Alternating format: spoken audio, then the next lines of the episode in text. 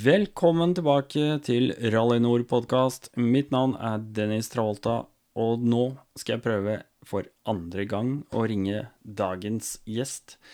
Ehm, jeg prøvde nemlig for noen minutter siden, og da var det litt eh, startvansker. Eh, litt eh, tekniske utfordringer på andre siden, men jeg prøver igjen. Så skal han få lov til å introdusere seg sjøl. Skal vi se her. Har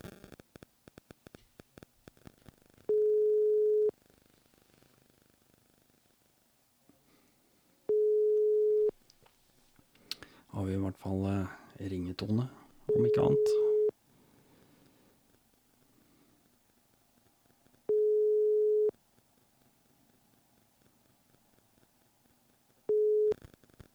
Velkommen til mobilsvar fra Telenor. Vennligst legg igjennom en beskjed etter pipetonen. Ja da. Nei da, vi trenger ikke å legge igjen noen beskjed, altså. Det går fint uten. Eh, Men eh, jeg prøver vel ikke så godt å ringe den en gang til, så får vi se da.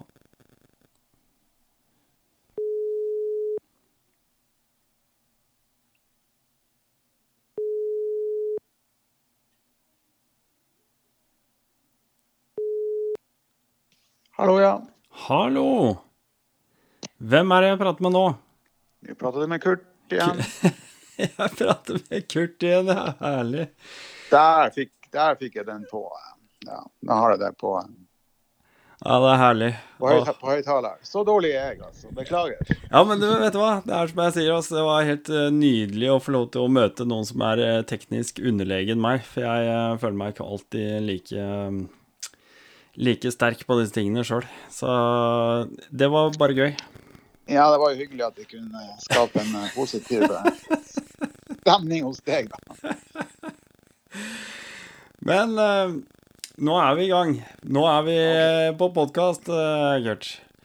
Ja, OK, det er greit. Jeg tenker at vi prøver å si litt grann om eh, litt sånn navnet ditt og sånt noe, så skal vi skal jeg for, forklare litt øh, hvorfor vi snakker sammen nå. Men eh, navnet ditt er altså da Kurt, An Kurt Andersen.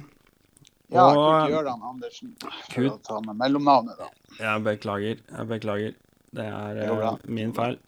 Um, jeg vil bare introdusere det med å si at uh, første gang vi møttes, det var i fjor våres, var det ikke det? Jo, det var vel det. Første og eneste gangen. Første og eneste gangen, ja. Uh, ja, det er helt riktig. Uh, greia var vel at jeg skulle selge en sykkel, og uh, hadde noen som var litt sånn interessert her og der, og noen skulle komme og se, og noen dukka ikke opp. Men du dukka opp. Ja, du hadde en veldig interessant sykkel der, men den, den var så spesialisert at jeg latt den gå til noen andre. Ja. For jeg, du hadde jo laget den, du har jo bygd opp den sykkelen for en, en riktig langtur. Og jeg var jo akkurat ferdig med en, en ordentlig langtur, så jeg hadde jo egentlig ikke bruk for eh, en så spesialbygd sykkel, kan du si. Helt riktig. Helt riktig. Og det er jo Men det var fint å få se den. Det var det. Ja, men uh, jeg var jo ikke noe skuffa over at du ikke kjøpte den heller. Fordi at uh, greia var jo det at uh, jeg syns jo hele historien med og rundt deg var veldig spennende og givende. Så Det var hyggelig at du syns det, da. Ja, ja, ja. Så for meg så var jo det bare helt supert. Um, greia er jo det at du har vært ute og reist en del på to hjul. Og, Ja. og det fanga jo min interesse totalt. Absolutt. Um, men før vi går nærmere inn på det, tenker jeg vi skal ta oss og plassere deg litt. For at, uh, vi vet nå at du heter Kurt Gjøran Andersen. Og mer enn det vet vi jo egentlig ikke om deg. Så jeg tenker kanskje vi tar uh, litt sånn bor, hvor bor du? Litt sånn status på det. Det kan vi ta, vet du. Ja. Ja, jeg, jo, ja, jeg er jo født i uh, 1967, så jeg er jo passert 50 uh, Ja. når det gjelder alder. Og uh, nå bor jeg i Oslo. eh, men eh, som du sikkert hører, eh, så er jeg jo eh, opprinnelig eh, kommer jeg jo fra Lofoten oppe i Nord-Norge. Ja. Jeg flytta hit til Oslo i 1992, så jeg har jo bodd i Oslo egentlig nesten like lenge, eller enda lenger enn ja, enn jeg, jeg har bodd i Lofoten. Men jeg har jo vært ute på veien en god stund også, så. Ja. Ja, og da nå, nå bor vel vi ikke så langt fra hverandre, for jeg snakka, eller vi teksta litt i stad, og da gikk jo du rett rundt i området hos meg. Så sånn sett, så Men det er jo disse tidene nå om dagen, så det er jo ikke lett å møtes heller. Nei, man skal jo være litt restriktiv på det, så. Ja, det er noe med det. Så nå er det jo enda strengere om dagen, så Men vi får bare følge opp og gjøre så godt vi kan, vi. Eh, men du bor eh, litt nede i sentrum i Oslo, du? Eh, Ja, jeg bor på, på Ensjø. På Ensjø? Mellom ja. Ensjø, mellom Ensjø og Helsfyra. Malerhaugen. Ja. Å ja, Malerhaugen? Ja, Malerhaugveien. Ja, der har jeg jobba før. Jeg hadde, eller jeg hadde, jobben min hadde lokaler der. Ah, ok. Ja, da veit jeg godt hvor det er. Mm. Men 67 uh, var du født, og det betyr jo at du også har hatt mulighet til å kjøre sykkel uh, ganske lenge, da. Jo da, det er jo for så vidt sant. For du uh, må jo ha tatt lappen på et eller annet sted eh, en eller annen gang. ja, et, et, når, det var, eh, når jeg var i tenårene, så var det jo, da hadde jeg jo moped. Som Ja. de fleste på min alder har, der oppe som jeg kom ifra. Ja. Kom ifra. Så jeg hadde, jeg hadde først en Suzuki AC50. ja. Ah. en 77-modell. Ja.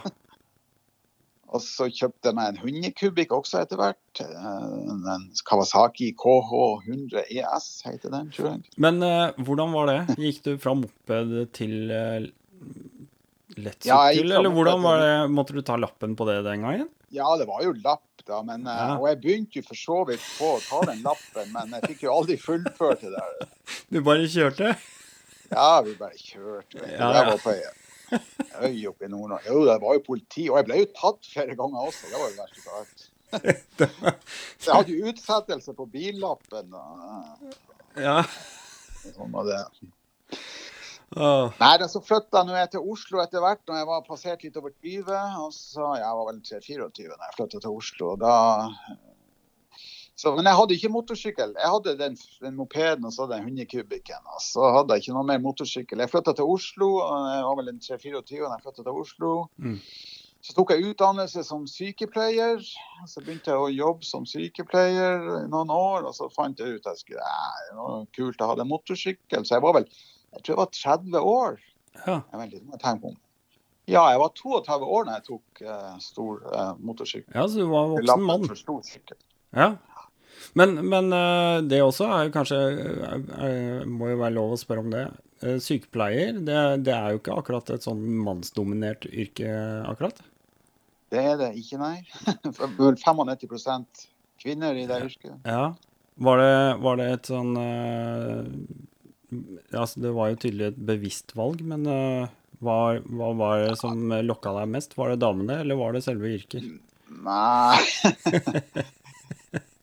uh, nei, saken var den at uh, Nei, de, de aller første årene av, av mitt yrkesaktive liv, så var jeg jo Jeg er jo fra Lofoten, og, det var, det var, og jeg var jo om bord i fiskebåten da. Jeg Ja, ja. var fisker. eh. Men så ble det veldig innskrenkning på det der på slutten av 80-tallet. 89, Da ble det veldig sånn kvoteregulert alt. Og da Mm. sa de jo opp Mange båter sa opp halvparten av mannskapet, så da ble det litt sånn ja. Nei, da, saken var den at når jeg var i militæret, så var jeg eh, Da ble jeg sånn i saniteten da, i kystartilleriet. Da. Så da Ja. Oh, ja. hadde, da hadde mye sånn eh, ja, førstehjelp og alt det der. og der. Du Og var til og med utplassert på et sånt sykehjem, skråstrek, Ah. rehabiliteringshjem. Og, ja. og så av, avtjente jo hele verneplikten min som, som sanitetsmann da, på ei sånn sykestue borte i Løddingen oppe i Nord-Norge. Ah, ja, ja, ja, ja, ja. Så der, der kom jeg borti det dette med, med sykepleie og den saken der. Altså. Ja, så var det det her med det der innskrenkninga av mannskap om bord i båter, det med kvoteinnføring. Og da tenkte jeg jeg må, jeg må prøve å få meg en ordentlig utdannelse og en jobb. Da. Og så hadde det vært litt borti det. Altså det jeg søkte på mye rart. Jeg søkte på, jeg søkte på universitetet også, ikke sant, for jeg hadde litt lyst til å studere ja. råk og historie. og den, den den veien her, da. Men jeg hadde jo ikke nok studiepoeng til å bli immatrikulert på universitetet. Men, eh, for jeg, ja. men jeg kom inn på sykepleierskole etter hvert, og da flytta jeg til Oslo. og ja, begynte på det. Sånn var det. Du, det, i, eh, i podkasten min så er det lov å drikke øl, for vi kan jo ikke kjøre mens vi snakker allikevel. Så skal jeg bare åpne meg en liten øl her i mellomtida. Du, jeg syns yrket ditt er kjempetøft, og eh, det er jo egentlig bare en oppfordring til å få flere mannfolk inn i det yrket der. Ehm, jeg kjenner jo fryktelig mange, altså både i nær familie og rundt omkring, som er sykepleiere, og det er jo damer alle sammen. Og, og det er jo et Sånn som jeg opplever det, er et fryktelig sånn dame... Hva skal jeg si? Eh, Det, er, det blir litt sånn eh, damemiljø. Men eh, jeg regner med Ja. at de behandler deg på en annen måte, kanskje? Nei da, det, det går greit. Ja. Jeg har for så vidt jobba på steder med, med, egentlig med en god del mannfolk også. Ja. Eh, Jeg har, jeg har vært Ja, jeg, jeg, er ikke noe nega jeg mener ikke noe negativt med det. Altså, jeg mener bare at Nei, det, det- er, det er en litt annen sjargong, og det er en litt annen uh, Ja. Det er, Ja, jo det er litt annerledes.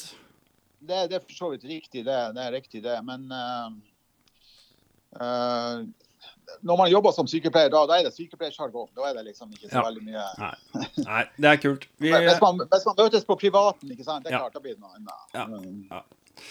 nei da, jeg, jeg har ikke så mye å fare med der. Jeg skal ikke, skal ikke dra deg mer ut på den der.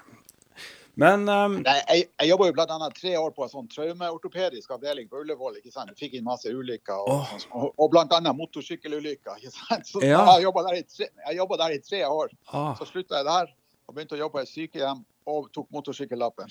Det var jo litt sånn Når jeg har sett så mye elendighet på motorsykkelulykker, Du burde egentlig vært skremt. så ja, det var jo litt sånn der eh, Oi.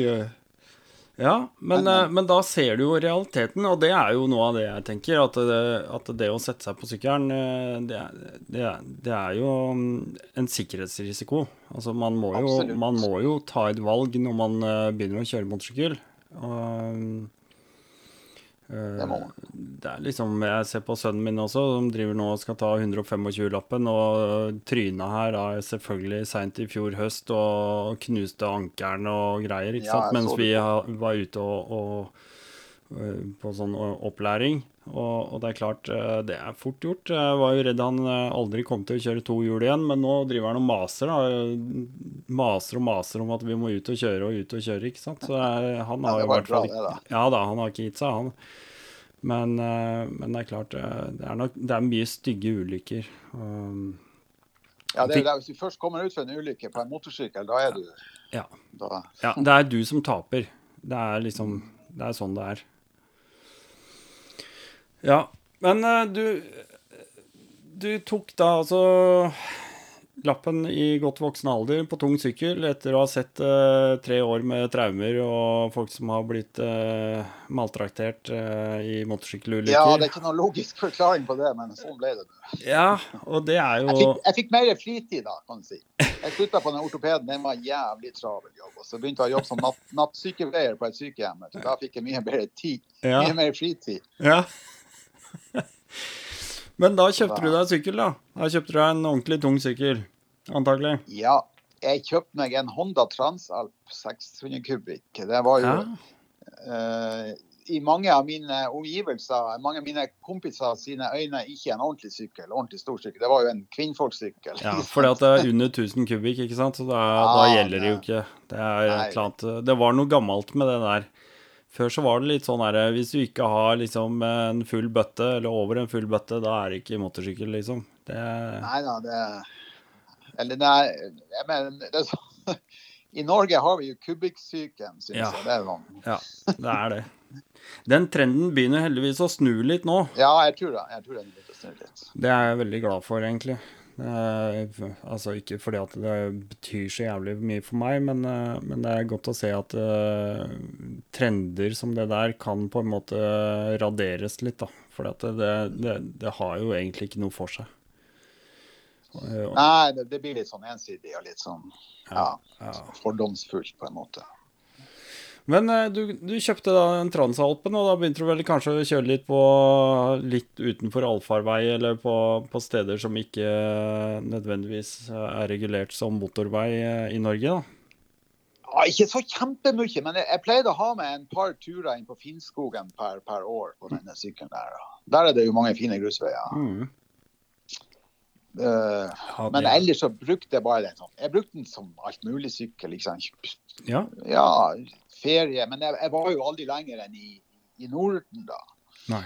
Norge, Sverige, Danmark, Finland. Mm. Ja, men det Ja, er, det var en turingsykkel og en alt mulig sykkel. Og, Ja. ja. sånn, eh. ja, det er det.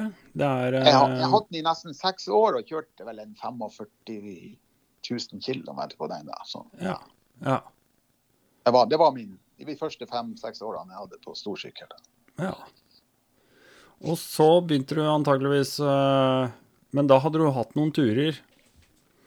Så da begynte det kanskje å oppstå noe drømmer om lengre ting, da, eller? Nei, det hadde ikke gjort det enda på det tidspunktet der. Nei? Eh, Nei, det, det som skjedde da, etter at jeg hadde den i seks år og jeg begynte eh, Nei, da, da hadde jeg begynt å reise mye. Det var noen okay. år jeg Eller det var ja, etter at jeg solgte en Transalpene. Mm. Det var noen år jeg hadde fått dilla på reis nede i Asia. Okay. Ikke med motorsykkel. Nei, jeg har ikke fått den ideen med motorsykkel. Nei. Nei, så jeg hadde en fire-fem år. Jeg, eh, jeg bare jobba i Norge seks-syv måneder i året, og så var jeg eh, oppholdt meg i Asia resten av året. Jeg hadde Ja. Thailand som base. og Ja. Jeg var mye rundt omkring. Kambodsja, Laos, og Filippinene, Singapore og ja, Ja. sånn der. Jeg oppholdt meg rett og slett i, i Thailand eh, Mm. og Asia halve året. Eh, Nei, nesten halve året. Jeg hadde Mm. noen år der fra 2005 til 2009. Mm. Um, men så ble jeg litt for uh, Jeg ble rett og slett litt for uh, opptatt av uh, han kong alkohol, så jeg måtte ta Mm. rev i seilene der en, en, en periode. Mm. Du vet, Det er mye tilgang på sånn nedi der, Mm. og billig. Ja, ja. Så jeg hadde en liten nedtur i livet der i 2009-2010. og Da eh, kom jeg tilbake til Norge. Jeg begynte å jobbe for fullt. Uh, ja, jeg hadde jo vært innom en annen sykkel i den perioden. En, jeg, hadde, ja, jeg hadde en sånn Honda Dominator en periode. Jeg kjørte ikke så veldig mye på den. 2010, da jeg kom tilbake til Norge og begynte å jobbe for fullt igjen, da, en, da kjøpte jeg en sånn Triumph Tiger 955. Ja. Men eh, jeg var jo ikke Jeg var jo bare kjørt i, i, rundt omkring i Norge og Sverige og Finland med den. Ja, jeg hadde noen turer sånn. Uh, nei, eh, når jeg hadde jobba to år da og slutta med alkohol og alle sånne ting, så eh, ja får, jeg, jeg bare spørre, har du, har du liksom Har du slutta helt å drikke alkohol, da? ja, det har jeg. Ja, akkurat. Ja. Jeg har ikke noe imot den andre. Det Nei, nei, nei. for all del. Nei, men jeg skjønner, jeg skjønner greia. Jeg skjønner, jeg har full Det, forståelse nei, for det Nei, det. ble for mye på meg de årene jeg var Eller de halvårene jeg var der i Thailand og Mm. Asia der, vet du. Det ble rett og slett litt for mye på det. Mm. Nei, altså så jobba jeg knallhardt i to år, Uh, og så belønna jeg selv, meg sjøl med en tur til uh, Myanmar og Kambodsja med et sånt der norsk reiseselskap. Okay. Og, og da traff jeg mange andre sånne folk som var, likte å reise til litt sånn spennende mål. Mm. Og de hadde vært i Bhutan, noen av de der folkene, husker jeg. Og, og, og så husker jeg så en, eh, en Jeg tror det var en annonse i MC-avisa, eller det kunne være Bike, at det var, eh, det var en nordmann som hadde et firma i India som arrangerte turer i India og Mm. Bhutan. Mm. Og så begynte jeg å søke på nettet da. Uh, men jeg fant ikke han der, firma, der firmaet der på nettet. Men jeg fant mange andre som, eller, eller flere andre firmaer som eh, drev og arrangerte turer i, ja, i India, Nepal og Bhutan og nede i Asia der. Ja. Og så, eh, så kom jeg fram til en, et tysk firma som har base nede i India der. Som heter Classic Bike Tours eller noe sånt. Og så snakka jeg litt med de, og så ja, ja. De hadde noen turer. De hadde mange, de har mange, de har 12-15 forskjellige turer. Det var i India. Ja, Ja. de, det, det, det er noen, det er en tys, tyskere som driver, Ja. men de har base i India. da, bor ja, der. ja. Så etter hvert så meldte jeg meg på en tur der. Sånn arrangert uh, motorsykkeltur. Det var vel i 2012 om høsten. Da, og da var vi i, uh, i Bhutan. Det lille landet som Mm. kanskje ikke mange, så mange vet om. Men Nei, eh, skal du forklare litt hvor er det det ligger, egentlig? ja, det ligger jo Det grenser jo til India. Ja. hvis du går nordøst i India Ja. Og ser litt der oppe i Himalaya, i Himalaya så, så finner du det lille landet som heter Bhutan. Ah. Det er jo et skikkelig sånn eh, Så det er et fjellområde? Ja, det er et, det er et skikkelig fjelland. Ja. Altså. Uh, du kan si det ligger litt øst for Nepal. Mm. Det er et stykke, men det er et stykke land imellom Nepal og Bhutan. Og det stykke land der heter Sikkim. Og det er nå en indisk provins. Men det var et selvstendig land helt til eh, 1975. Aha. Så Sikkim er også et veldig spennende område. Eh, Og den MC-turen, vi starta faktisk i Sikkim. Seks dager i Sikkim, og så var vi vel ti-elleve dager i Bhutan. Vi kjørte inn på den ene sida, så kjørte vi gjennom landet og ut på den andre sida. Og det var med Royal Enfield Bullet. Ja. 500 ja. Den erkeindiske motorsykkelen. Ja. Det er jo egentlig engelsk, da. Men Ja, jo, men altså, den har jo bare blitt mer og mer indisk, eh, sånn som Ja, vi kjenner den i dag, i hvert fall. Og, og det er klart at eh, engelske aner, og vi det er vel ingen som kommer til å glemme det, men uh, nå, nå er det vel liksom indisk i det blodet der. ja, det er jo, det er jo, det er jo overtatt av indere, da. Mm. Ja. Nei, altså, det, var en, en, det var en kjempefin tur. Eh, Utrolig flott land og utrolig fin MC-tur. i det hele tatt. Selv om det var arrangert. da. Hvordan, hvordan syns du det fungerte? Det skal vi komme litt mer inn på seinere. Altså, akkurat dette med, med sånn arrangerte turer kontra turer på egen hånd og sånn, det skal vi Vi skal touche litt på det seinere også. Ja. Men, men eh, dette firmaet da, som hadde så mange turer å by på, de, der var liksom alt dekka. Da, Ja da. da bare kom du og liksom hadde med deg pikkpakket ditt og kanskje Ja, da, du hadde bare med deg hjelmen og buksa og jakken og, og ellers personlige ting. Mm. Klær og toalettsaker. Og, Ja. så det, var, det, det, det er veldig greit sånn sett. Ja. Du, du trenger ikke å tenke og planlegge så mye. Hvis du har liksom to eller tre uker ferie og Mm. Og det kan jo være greit også, kanskje sånn i forhold til å krysse, når du skal krysse mellom landegrenser og sånt nå, så er dette gjort ja, så det, mange er ganger. det, det er jo en, del steder i verden det er problematisk å krysse eh, grenser med en motorsykkel som har registrering der og der. Og sånn og Mm. sånn. Jo, men jeg tenker på i dette tilfellet, hvor allting bare er eh, lagt opp på forhånd, så er vel det kanskje veldig eh, enkelt og greit. Ja, der var jo alt lagt Ja. Ja. på forhånd, så det var jo ingen problem. ja. Nei da, det var For, for, for det det er, ikke sant? det er en arrangert MC-tur med guide og, mm, og alt det Hva han kan si, Egon Olsen. Timer og tilrettelagt. ja, ja, ja. ja. Men, men, eh, men det koster jo kanskje litt uh, penger også. Uh, jeg tror jeg har kikka på noen sånne turer for noen år tilbake, og det lå jo fort på 40 I hvert fall 40 000, så vidt jeg husker. Eh, um, Den, men det er kanskje billigere den gangen, men uh, ja, du må huske på det at den gangen der var vekslingskursen euro nok. Den var 7,50, vet du. ja, så det var jo ja, ja. Nei, jeg gjorde jo tre turer med de folkene der. Og Oi. den dyreste turen, det var den turen. Og den var vel en, tror jeg, jeg mener husker den var 32 000 norske. ja. Ja, Men det inkluderte en par flyetapper i India også. akkurat. Ja. Men det var jo senere, året etterpå så var jeg jo i Nepal med de og gjorde en to ukers tur med samme firma. Nepal, den turen kosta jo mye mindre. Den kosta jo under 20 000. ja. Så det Hmm. Det var ikke Det kosta jo litt, selvfølgelig. Det gjør jo det, men Ja, men det er det du får igjen for det. Altså, vi skal jo komme tilbake på det, altså, men uh... Ja. jeg syns ikke det var så gærent for det du får. ikke sant? Nei, det er jo ikke det. Det er ikke det. Men uh, når Du dro da på to-tre sånne turer som som var arrangert. ja, av det firmaet. I Ja. løpet, av, I løpet av faktisk ganske kort tid. Den, en, den, den første turen var i eh, var Sikkim og Bhutan. Og så Den andre turen ble i Laos. Og den var egentlig ikke så veldig planlagt for min del. Det var jo allerede For denne turen var i oktober 2012. Mm. Og så hadde jeg bestilt eh, en tur til Thailand og skulle slappe av i, i januar-februar året etterpå. Ja.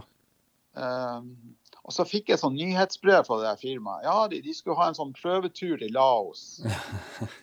og um, og den, den var egentlig fulltegna, den turen. Fullbooka. Men uh, så hadde han fått en avbooking. Da. Så det var, det var en plass ledig. Og dette var jo i desember. ikke sant? Det var rett før jul. og det var ingen og der Han sendte ut enda en gang, og det var ingen som hadde tatt den siste plassen der. Og så Nei. sa jeg ja, OK, jeg er i Thailand da, så jeg kan jo like så godt bli med på den. Og de starta fra Thailand, fra Chiang Mai, som var liksom Ah. base. I, så tenkte jeg ja, men jeg kan slenge meg med. Og så, men hva slags sykler skal dere kjøre? Ja, det var sånn, det var sånn Kawasaki ER6 og noen Kawasaki Versus 650. da. Jeg så sa jeg, er det noe særlig sykkel for å kjøre i, i Laos på? Ja, så sa han der sjefen for det firmaet, så, så sa han meg du, jeg har en personlig sykkel stående i Thailand, i Chiang Mai. Jeg skal få de til å skifte olje på den og gjøre den klar for deg. Det er en Honda Africa Twin. Blir du med på turen, eller? Ja, det er greit. Hvis jeg får en Africa Twin, så blir jeg med på turen. Så da fikk jeg eh, sjefen for det firmaet sin sykkel, en, en Honda Africa Twin. Det gamle typen da. Ja. ja, det er kult gjort, da. Det er stilig. det var jo veldig hyggelig gjort. Ja, ja, ja. Nei, men det, det vitner om at vi har deg tilbake òg, da. Da har du jo oppført deg, oppført deg ordentlig på turen, tydeligvis. Det verste, det verste av alt var at jeg krasja den sykkelen to ganger på, i løpet av den lavsturen. Å nei. Uh, nei, det ble ikke noen store skader. Det, ble ikke. det var da bøyd, bøyd litt her og der av styret og sånn, men Ja, ja. for det, det den uh, er, er det i forbindelse med jeg ble- trafikk ble og sånn, eller? Jeg ble trukket en, eh, ble trukket en par hundre euro for reparasjoner for det, men det er greit. Altså, Ja, ja, ja. ja. altså den siste velten der, det var så uforskyldt så det går an å komme, kom over en liten Jeg kom over en liten, uh, liten bakketopp uh, på et uh, øde sted i Laos. Og så var det pinadø en svær olje Motorolje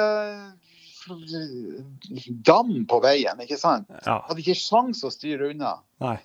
Bare sykkelen gikk én vei, og jeg gikk andre veien. vet du. Og, nei.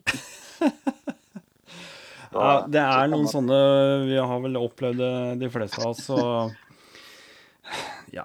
Jeg, jeg, jeg tryna vel tre-fire ganger på, i løpet av 250 000 km på den jorda rundt-turen min. Men altså, på den lavsturen på 2000-3000 km tryna jeg to ganger. Liksom. Så du kan være uheldig også noen ganger. Du er liksom, ja. Ja, det er det. Men, men da For nå, nå nevnte du at du har hatt noen sånne andre turer som tydeligvis da ikke var så organiserte. ja, jeg, har, jeg gjorde den her eh, jorda rundt-turen min, da. Ja. Den, den var jo litt organisert. da. Var du sånn da at du kom hjem og hadde hatt uh, tre-fire sånne organiserte turer og fått dette litt inn i blodet og følte at uh, du kunne klare dette på egen hånd uh, og kanskje oppleve ting eh, Nei, det var ikke riktig sånn det var. Nei? Nei, saken var det her at det, det, det der, de der tyskerne nede i, nede i, um, nede i India, de hadde en, en sånn eh, slags relasjon til et annet firma, en annen tysk gruppe, som Mm. drev med såkalte overland-turer fra India til Tyskland Ja. to ganger i året. På en sånn seks eller åtte uker. Og de, men de, for de endte sine turer der på, hoved, på basen til det der Classic Bike-firmaet. Så de var i en slags connection til det der firmaet. Så jeg, og det hørtes jo kult ut. En, en organisert overlandtur fra India til Europa, til Tyskland. da. Ja. De kjørte to ganger i året. De kjørte Tyskland-India, og så India-Tyskland. De tok den turen to ganger i året. Okay. Så der tenkte jeg, det var som neste steg for meg, da. Men det var jo organisert tur, da også. Ja. Men det var, det var jo litt større og litt både mer tid og mer Ja, litt sånn uh, yeah. vilt. Gjennom mange land, da, kan du si. Men Så jeg tok jo kontakt med det der firmaet der og spurte har dere tur til neste år. Og, uh, ja da, det, det, det hadde de. Og det var bare, men eh, de, de hadde ikke bestemt dato ennå. Sånn, og, men de skulle sende ut nyhetsbrev, så jeg bare meldte meg på der, så skulle jeg få beskjed. mm. Når men var dette? det og. Men så kan du si at Når var dette? Ja, dette tror jeg Jeg planla det her og skulle gjøre en tur med dem. Eh, var det enten høsten 2013 eller våren 2014? Ah. Men så kom det da dessverre For jeg måtte purre på dem. Jeg fikk ikke noe nyhetsbrev. Nei, da hadde de dessverre innstilla de turene det året der. OK. Så det ble ikke noe av det. Nei. Så da begynte jeg å tenke meg om. Ja. uh, tenkte jeg at eh, OK, det blir ikke noen tur Tyskland-India, men uh, eh, hva om jeg kjører til Thailand? Hva om jeg kjører fra Norge til Thailand på motorsykkel? For Thailand var jo blitt mitt andre hjem på en måte i løpet av de årene. ja. Og, og da ble det ja, en annen plan. det, det, det skal jeg gjøre. Jeg skal pinadø prøve å se om jeg klarer å komme meg fra Norge til Thailand på MC. Men jeg, var, jeg hadde jo ikke eh, tanke om å gjøre det her helt alene. For det var, det var litt for uoverkommelig for meg, tenkte jeg. Mm. Så jeg eh, søkte jo litt på nettet igjen, og så kom jeg over en, en, en, et sånn engelsk enmannsfirma. da. Mm. Og han fyren der hadde jo arrangert turer fra, fra England til Thailand. Eh, en par-tre ganger før. Og han skulle arrangere eh, året etterpå. da. Det, det ble 2014 da. Ja. Så tok jeg kontakt med han fyren der, som heter Steve. Og han var en jævlig grei fyr. Og eh, vi fikk eh, veldig gode kontakt, og vi hadde samme, samme innstilling til det hele. Og så eh, Han sa du kan bli med akkurat hvor du vil, og du kan kjøre. For det var jo da, Han kjørte gjennom Kina. Du kan jo kjøre mange veier til Thailand. Eller Ja. du kan egentlig kjøre to hovedveier. da. Mm. Du kan jo kjøre gjennom ja, ikke sant? Iran, Pakistan, India og Myanmar Mm. og inn i Thailand der. Eller så kan du gjøre, kjøre gjennom Kina og Laos Ja. og så inn til Thailand. Og han kjørte gjennom Kina, det var hans rute. Mm. Men Kina er det vanskelig, vet du. Der må du ha guide, Ja. Og så må du ha masse tillatelser, sånn permits. Ja.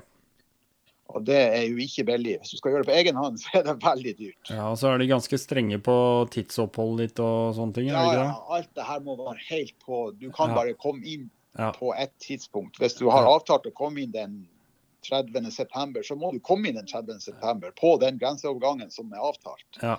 Ja. Og så må guiden din stå og vente på deg der. Med... Ja. Så dette var jo litt vanskelig. Men han Steve eh, i det der firmaet, han engelskmannen, han sa du kan bare bli med akkurat hvor du vil. Mm. Du kan joine oss akkurat hvor du vil, og så betaler du for det. Men det var jo selvfølgelig Kina-delen som var dyrest. ja. Så jeg bestemte meg for at dette skulle pinadø gjøre. Jeg skulle hive med meg de, og så bli med, bli med de. Eh. Og så tenkte jeg jo også litt videre at kanskje jeg kan kjøre videre. Kanskje jeg kan gjøre en, en rundtur ellers i Sørøst-Asia når de folkene der er dratt hjem. Mm. For de, de, de kjørte bare til Bangkok, og så skulle de frakte syklene sine hjem derfra. Men, men nå skal vi ta og spole litt tilbake, for da Gjør det, du. Før, før du er eh, langt uh, ned i Laos igjen nå, så må vi jo høre hva slags sykkel er det du dro med deg da? Ja, da tok jeg ikke den øh, Triumph Tiger 955 jeg hadde, men jeg kjøpte en, jeg solgte den, og så kjøpte jeg en Yamaha Tenere 660. Ja. Den, ja. Den er med den, den litt eh, nedsvingte setet. Ja, Ja. todelt. etter- Riktig, nesten. riktig, riktig. Ja. For den kom, du, den kom du kjørende med eh, når du skulle se på sykkelen min. Stemmer det. Det var den sykkelen jeg tok. Og den sykkelen jeg kjørte jorda rundt med, ja. Ja, den har vært på tur. Den har vært på en skikkelig lang tur. Ja, nei, da skal jeg ikke avbryte mer. Jeg måtte bare få, få høre det. Men du fulgte da Var, var han aleine, eller var dere flere, eller? Nei da, vi var så mange som seks sykler på det meste. Mm. Og han hadde jo en sånn Toyota Hilux pickup. Ok. Så uh, Så han kjørte ikke sykkel sjøl? Nei, ikke på den turen. Nei. Han hadde kjørt sykkel på de to-tre første turene, men på den turen der Og da hadde han blitt med hele veien. Ja. Men han fulgte oss bare inn i Kina, så overtok jo de guidene der. OK. Ja. Ja, så, eh, så han kjørte på en måte følgebil den gangen Mm. der. Han hadde kjørt sykkel sjøl de første gangene. Mm. Ja, så. Men Ja, nei, så jeg, eh, jeg eh, kjøpte jo den der Tenereen på våren 2014, og så fikk vi utstyr av den med diverse ting og tang. Og, og jeg, jeg dro jo helt opp til Jeg starta jo fra Oslo, men jeg kjørte via Lofoten og Nordkapp og Øst-Finnmark, og så kjørte Mm. Finland fra nord til sør og gjennom alle de baltiske statene og Polen. Ja, for det er jo ikke noe vits i å ta snarveier. Nei. Nei, nei. Skal man på tur, så skal man på tur. uh, så eh, ja, og gjennom Øst-Europa. Så møtte de folkene Den gruppa den møtte jeg i Romania, faktisk. Og så ble jeg med dem derfra. Akkurat. Var du nede ved Ja, var du innafor ved Karpatene og Sibiu og den delen, da, der du møtte dem, kanskje? Ja, nei, jeg møtte akkurat innenfor grensa. Nå husker jeg ikke hva det heter. Akkurat Ja. innenfor grensa fra, fra Ungarn. Ja, riktig. Akkurat. Ja. Ja, og, men vi gjorde en ganske fin rundtur i, eh, i Romania. Vi var en hel uke i Romania, Mm, faktisk. det er veldig fint der. Kjempefint. Ja, det er veldig fint der. Ja, det er det er i hvert fall en av de stedene jeg skal tilbake til. For at Vi hadde jo faktisk en, eh, en eh, uoffisiell guide der. eh, For at en av de folkene som hadde vært med på den aller første turen til han der Steve, han var Mm. romaner. Oh, ja. Så han, eh, Han var eh, han, seg, han tok seg av oss og guida oss rundt i Romania Mm. i, i, i ei uke, faktisk. Så vi, var, vi hadde veldig fin rundtur der, ja. Ja, det er stilig. Ja.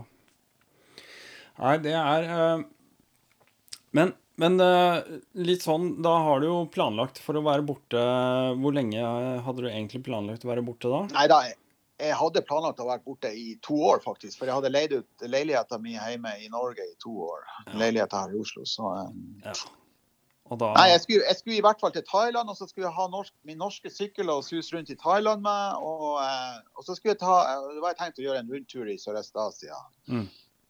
Laos og Kambodsja og Malaysia og sånn. Og Mm. muligens Vietnam, hvis det var mulig. Det visste jeg jo at det var ikke mulig, da, men uh, greit nok.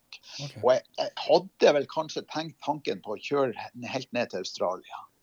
Ja. Jeg hadde vel kanskje vært inne på den tanken der, da. Men da måtte jeg i så fall gjøre det alene, og det var jo litt fremdeles på det daværende tidspunkt så var det litt skremmende, det, vet du. Mm. Men hadde du noen sånne uventa lange eh, opphold i noen av disse landene, eller?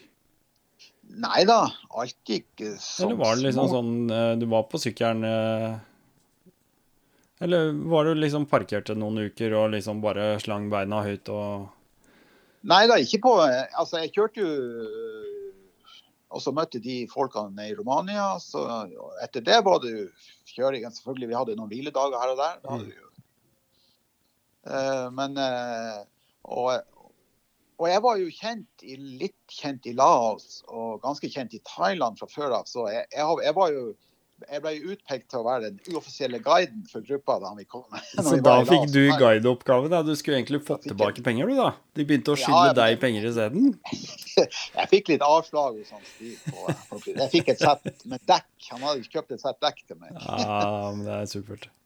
Uansett, det spiller jo ingen rolle. om Man er på tur og Ja. Nei da, jeg eh, Og jeg prater jo språket også, så jeg kan jo prate thai. Og, og lao og thai er ganske likt, så jeg er ikke flytende i språket. Men jeg hadde gått på språkskole i Thailand de årene jeg var der, vet du. Og Ja. det kan gjøre meg forstått, i hvert fall. Og spørre om ditt og datt. Ja. det, Ja, det hjelper det. Det hjelper det. Det er jo Man skal jo ikke så langt utenfor før man eh, ikke har folk som prater engelsk, f.eks., som vi er vant til at det kan være et universalt språk. Det er jo ikke, det er jo ikke hverdags eh, overalt. nei da, det, det er kjekt å ha å kunne et språk. Men Men Jeg så sånn jo bare, jeg så bare det når vi var i Kina, og de, der- de der guidene de var jo de var egentlig veldig de var veldig, veldig fri fra de guidene. Altså de, de hadde bare gitt oss en sånn uh, hefte med, eh, med hvor vi skulle overnatte, og navn på hotell og by og hotell og ja. for, for hver natt. Og, og, og GPS-posisjon. Og, og på morgenen når vi reiste fra overnattingsstedet vårt, så spurte jeg guidene ja, har alle klart for seg hvor vi skal hvor vi skal hen i dag. Har alle plotta inn eh, navnet på byen og hotellet og sånn vi skal? Ja, ja, ja, alle har det. Ja, OK, da ses vi der, da. Aha, Så så, så det var ikke verre enn det? Nei da. Jeg har hatt sånn tanke om at eh, med en gang du skal inn i Kina og må ha med guide, så skal de liksom bare stå liksom innen fem meters rekkevidde hele tida, liksom. nei. Men uh, det er ikke så ille, altså. Nei, det var, det var nesten for fritt, skjønner du. Det var det, var, det som var problemet. For at, uh, spesielt i Vest-Kina, der uh, Eller nei, egentlig, det var motsatt. Nei, du vet, vi kjørte på mye sånne Eller motorveier, kaller jeg det for, men i hvert fall bomveier. Det, var- det kosta penger å kjøre der. Litt grann. Men der var det egentlig ikke lov med motorsykler. For i Kina har de bare sånne små mopeder. vet du. Så de vil ikke ha sånn saktegående mopeder på de der fine veiene sine. Nei. Uh, og, og i, i Vest-Kina de første dagene der, så var det ikke noe stort problem. De vifta bare oss gjennom de der bomvaktene, vet du. Ja. Men jo lenger inn i sentrale Kina du kom, jo mer og mer eh, Det begynte de å rynke på nesen. og Nei, nei, nei, nei, du kommer ikke inn her gjennom den bommen her. Du får ikke kjøre inn på motorveien her, liksom. Okay. Og Da var det greit å ha de der eh, guidene våre som kunne legge inn et godt ord for oss. Ja. Og det, det ble jo til at de gjorde det noen ganger, at vi, at vi fulgte hverandre i hvert fall. Mm. Noen ganger fulgte hverandre, men på slutten, eller av og til så ble det ikke sånn. Vet. Og da sto vi jo fast i bommen. Jeg husker en gang, da nekta de. Da, da laga de her bomvaktene og personalet der på en sånn der eh, bom, eh, bomvei, de laga en menneskelig kjede. De tok hverandre i armene og nekta oss å komme gjennom. Altså. Såpass, ja. Men de der galningene vi kjørte i lag med. De, de bare de tok rennafart. De rusa opp motorsykkelen og bare brøt seg gjennom. vet du. Jeg tenkte her er faen ikke bra, for nå får vi Jeg kjørte aller sist, jeg, vet du. Jeg tenkte her er ikke bra, nå får vi pinadø kinesisk snut på nakken. Og Ja, ja. står og hanker oss, hanker oss inn litt lenger borti veien her, men eh, det gjorde det nå heldigvis ikke. Altså, det var litt. Og så var det sånn at hvis du skulle ha lunsj og litt mat, og sånn så var det helt umulig for det meste å, bestelle bestelle mat. Men akkurat det, altså, eh, det tenker jeg på, da. Fordi eh, sånn har jo jeg opplevd også noen steder. ikke sant? De står og vinker deg inn, og de skal stoppe deg langs sånne veipatruljer og alt mulig. ikke sant? Men det er jo egentlig bare fordi at de skal ha penger. Eh, mange ganger. Eh, og, men det jeg tenker på, er som i Kina, da, hvis de lager en sånn eh, manngard-lenke, er det, er det fordi at dere skal betale dere ut, eller åssen er korrupsjon og sånn i Kina? Er det, er det noe Nei, å snakke om? Nei, jeg tror ikke det var korrupsjon. De vil bare følge reglene. De, for Å ja, okay. Hvis de hadde sluppet motorsykler inn på veien, så hadde de jo på en måte ikke gjort jobben sin. Ah, jeg skjønner. Så nei, jeg tror, ikke, jeg tror ikke det var korrupsjon der. Men i Øst-Europa var det mye korrupsjon. Ja. Der skulle politiet ha penger også. Ja, ja. Der stoppa de, de oss mange ganger. Jeg hadde en par, par stunder bak i baksetet på kasakhstanske politibiler. I Kasakhstan, ja. Ja, der var de hissige. Ukraina var de hissige òg, men jeg, heldigvis jeg slapp unna det. Men vi, ja, vi var jo seks motorsykler. Og jeg husker i Ukraina, der ble han ene Han ene var New Zealander. Ja.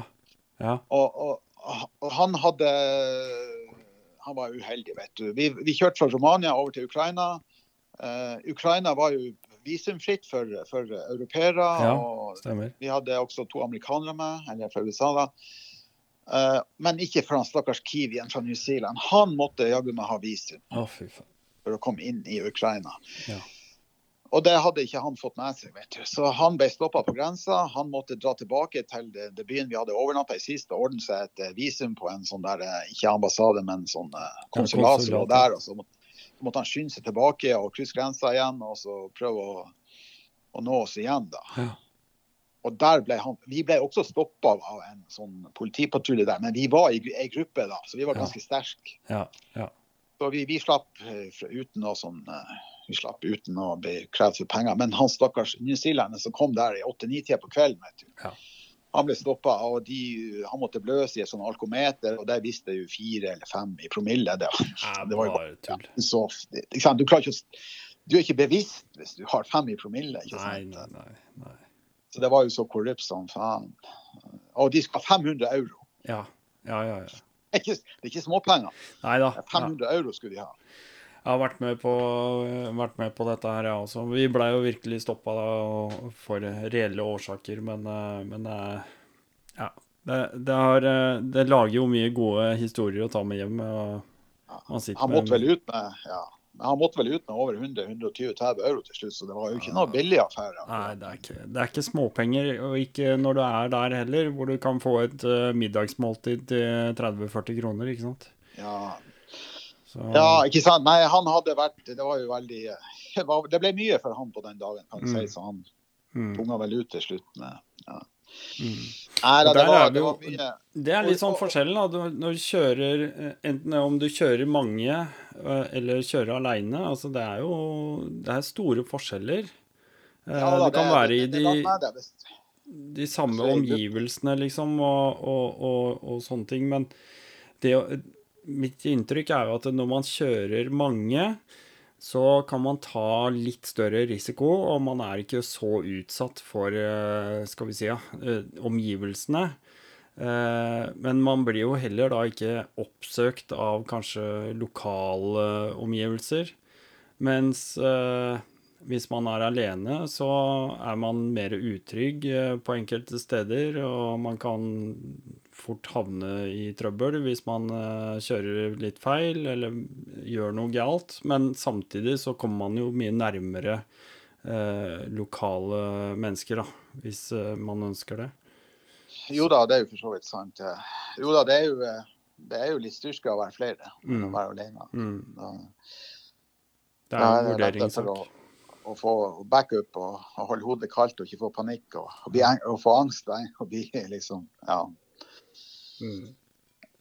Så, nei, Kasakhstan ble jeg stoppa to ganger. Den ene var noe sånn veiarbeid. Det var, farta var nedsatt til 50 km i timen. Og så var vi gjennom den der veiarbeidet var over. Og alle lokaltrafikken de kjørte forbi meg. Jeg prøvde å holde, holde, holde 50, men jeg kanskje Mm. sklei opp til 60. Men all, all lokaltrafikk kjørte forbi meg igjen.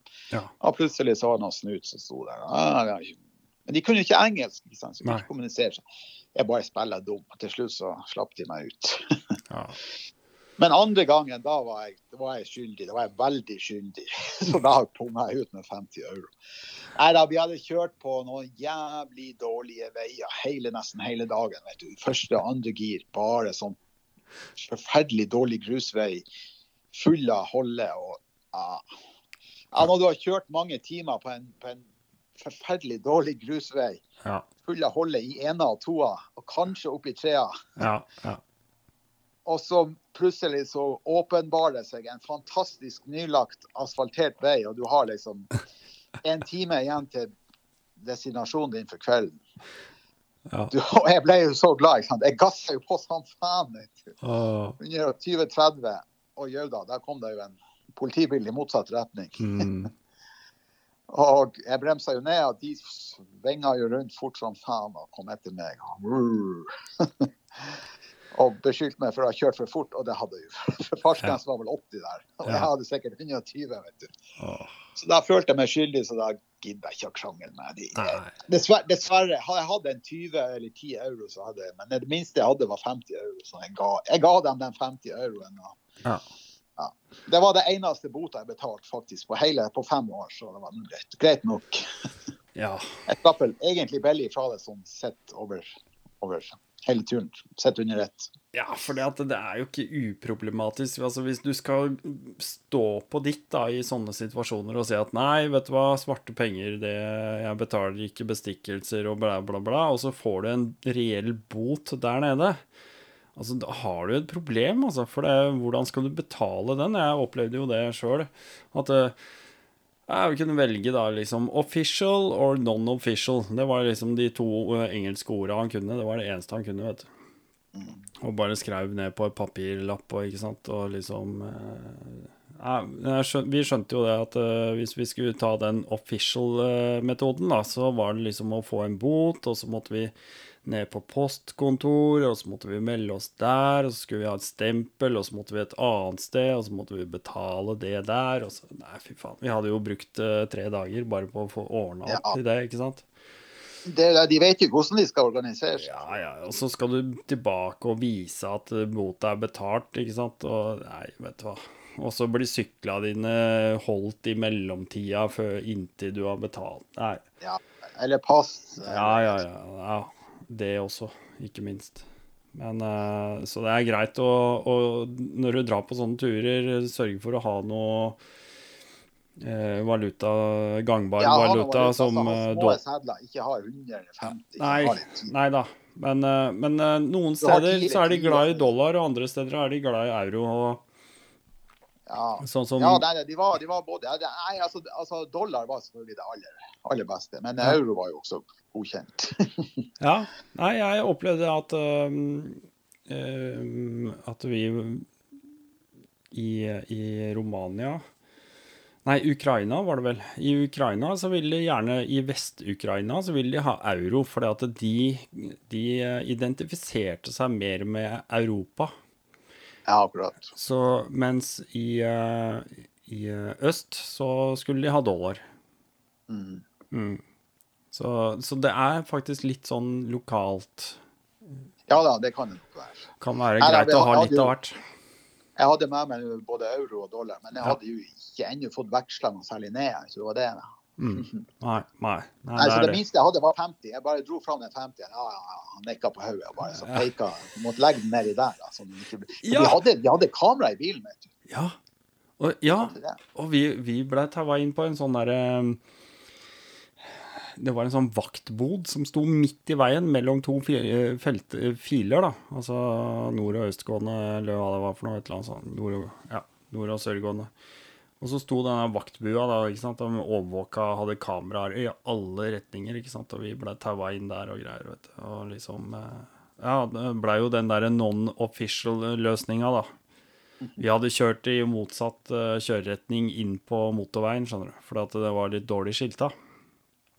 Så vi bare Ja. klaska rett over motorveien over på andre sida, for vi skulle på bensinstasjonen. Og mens vi sto der og fylte, da kom jo en en sånn konstabel vet, med høy, eh, hvit hatt og bare vinka på oss og bare pekte på vaktbua, som var 20 meter bortafor. da.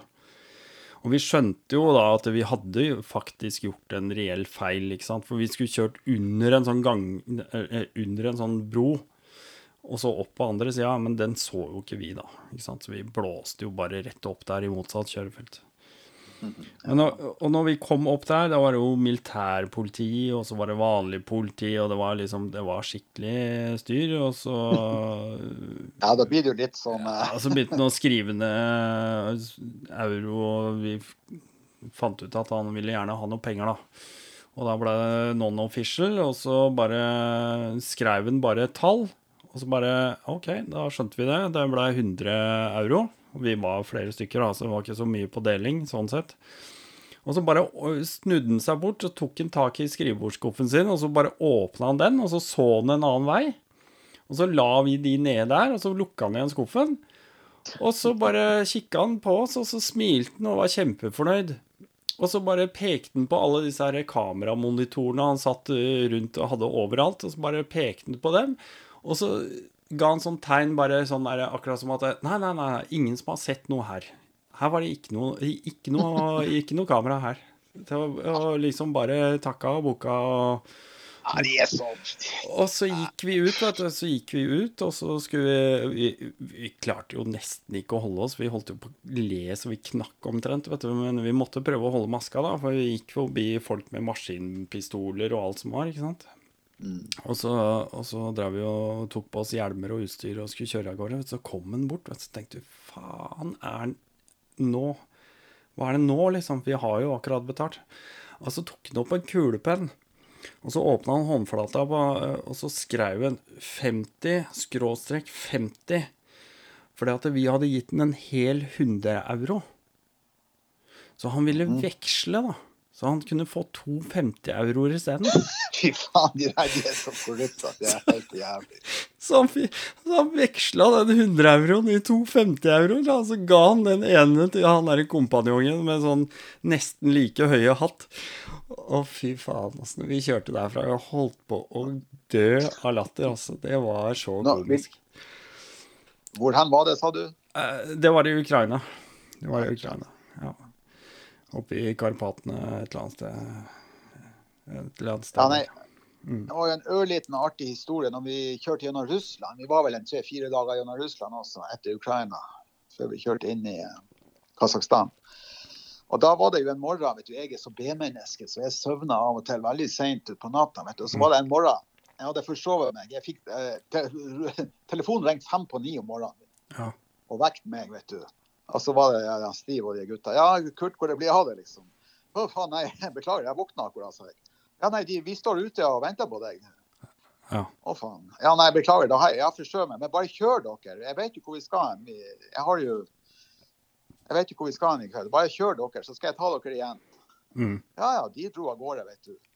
Resten av gruppa. Og jeg skynda meg ned og spiste en lynkjapp frokost og pakka sammen og heiv meg etter dem. Men jeg var jo over en time etter dem allerede, vet du. Ja. Så jeg dro jo litt på for å nå dem igjen. Og Akkurat. så, eh, og så gikk det jo en tolv-ett på dagen, kanskje. Ett-to.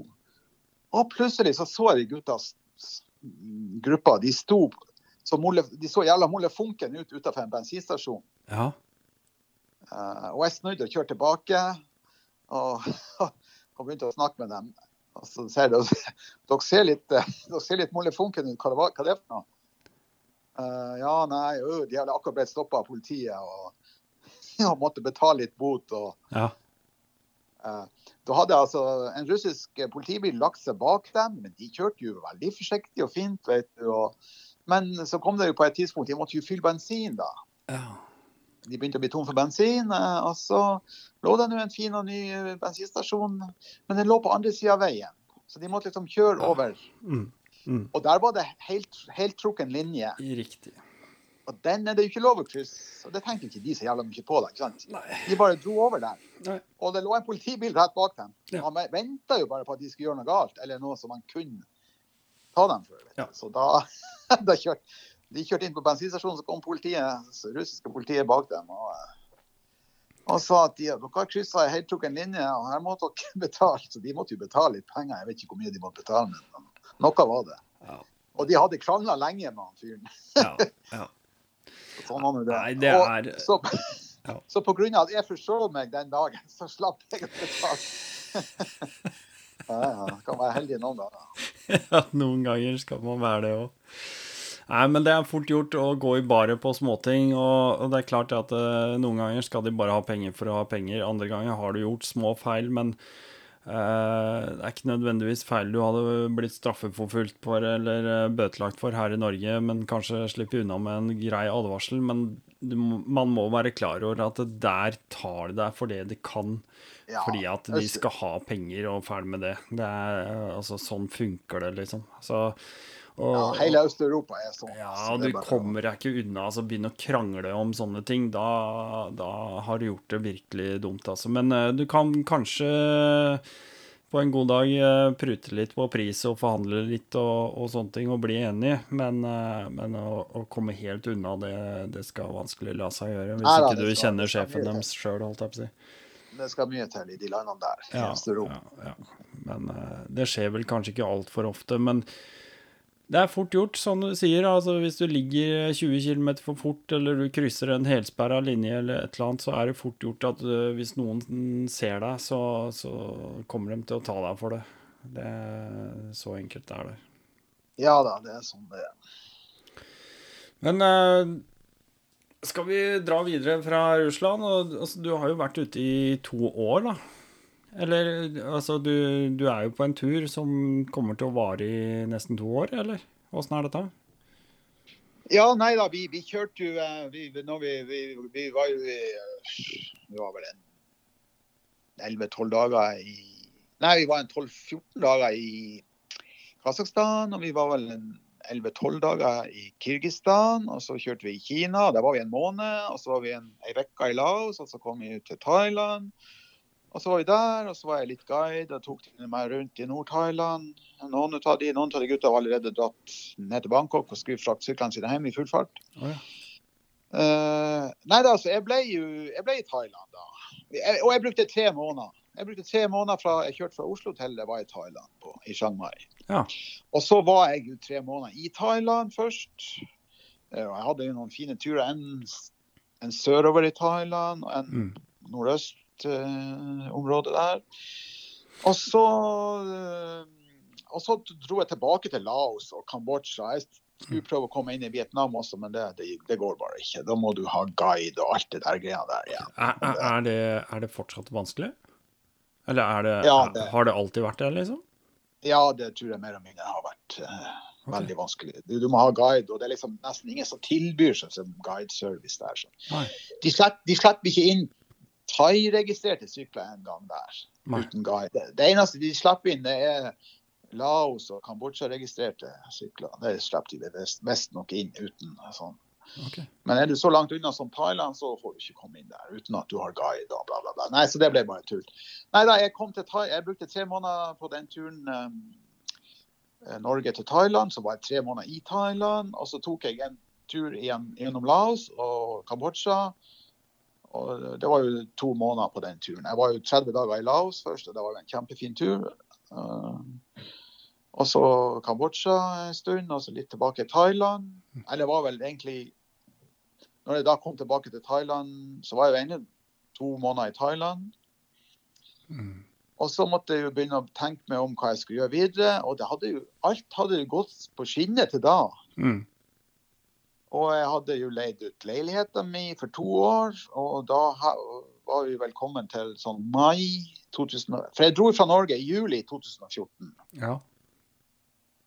Og da var vi kommet til mai, mai 2015, og da hadde jo gått over et år igjen av, av ja. min, min, min, min fritid, på en måte. Så da tenkte jeg ja, faen, har, alt har gått så bra til nå, så hvorfor ikke bare kjøre i retning Australia? Jeg var jo alene da, Ja. så eh, det var jo, ble jo litt annerledes. da. Men eh, jeg fikk med noen kontakter her og der, så jeg eh, så jeg dro nå på. Kjørte gjennom Thailand helt sørover og kryssa inn i Malaysia.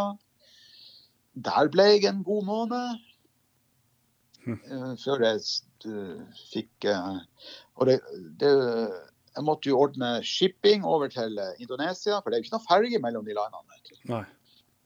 Så, men Nei. Det gikk jo en sånn, en sånn gammel, eh, sånn gammel trebalje av en båt der som frakta grønnsaker mellom, eh, mellom, eh, eh, mellom Malaysia og Indonesia. Mr. Lims Onion Boat kaller de den for. Det var en skikkelig gammel trebåt, altså. Så der, men han frakta. Det var som sidenæringa hans i den båten der. da. Det var å frakte motorsykler som kjørte jorda rundt. Eller Men, kunne, men eh, kunne du da tilby deg å hjelpe han som uh, dekksgutt eller noe sånt? da? Nei, Ettersom du, du hadde vært eh, fisker tidligere? Nei, du fikk ikke lov å være med på den båten der. Du måtte ta fly over. Ah, okay, ok, over. ok, så de tok bare lasta, du fikk ikke være Ja. med? Mm. Nei, nei. Det hadde jo vært artig å krysse det der stredet med den båten der, men dessverre, det var ikke lov. Da, var Nei. jo Ja. Så jeg måtte fly over og så plukke opp sykkelen der ja, utafor Medan på Sumatra. Akkurat. Da er du, eh, da er du nede i øyriket. Da var jeg kommet til Sumatra, nordligste øya i Indonesia. Og, eh, Indonesia ble jo et kjempe ja, Malaysia var, var greit og fint, for det, det er ganske utvikla land. Mm. Uh, så det var egentlig fint og greit. Eh, ikke noen sånne store overraskelser, verken negative eller Ja, positive. Det var jo positivt. Det var, det var mye interessant og fint der, og for så vidt. Ja. Um, men uh, Indonesia skulle jo faktisk vise seg å bli jeg må si, på mange måter høydepunktet på min tur, som da ble fem år etter hvert. Oh. Indonesia var virkelig et eventyr, altså. Du verden. Kanskje ikke sånn motorsykkelmessig å kjøre, nei. for det er jo fryktelig tett trafikk der. Og fryktelig dårlige, smale veier. Ja, ja. Og mye av eh, Indonesia, i mye av Indonesia. Så selvfølgelig motorsykkelmessig, motorsykkelkjøringsmessig, så var det kanskje ikke høydepunktet, men sånn helhetsopplevelsen så ble Indonesia eh, faktisk bortimot høydepunktet på turen min. Det må jeg si. Og jeg ble jo i Indonesia i tre og en halv måned. Kryssa meg gjennom de her øyene. og Hva er det som eh, fascinerer med Indonesia? Nei, jeg, altså, jeg var jo egentlig det, det har jo litt Sånne ting har jo litt med hva du forventer. Og jeg hadde egentlig litt lave forventninger til Indonesia. ikke sant? Mm.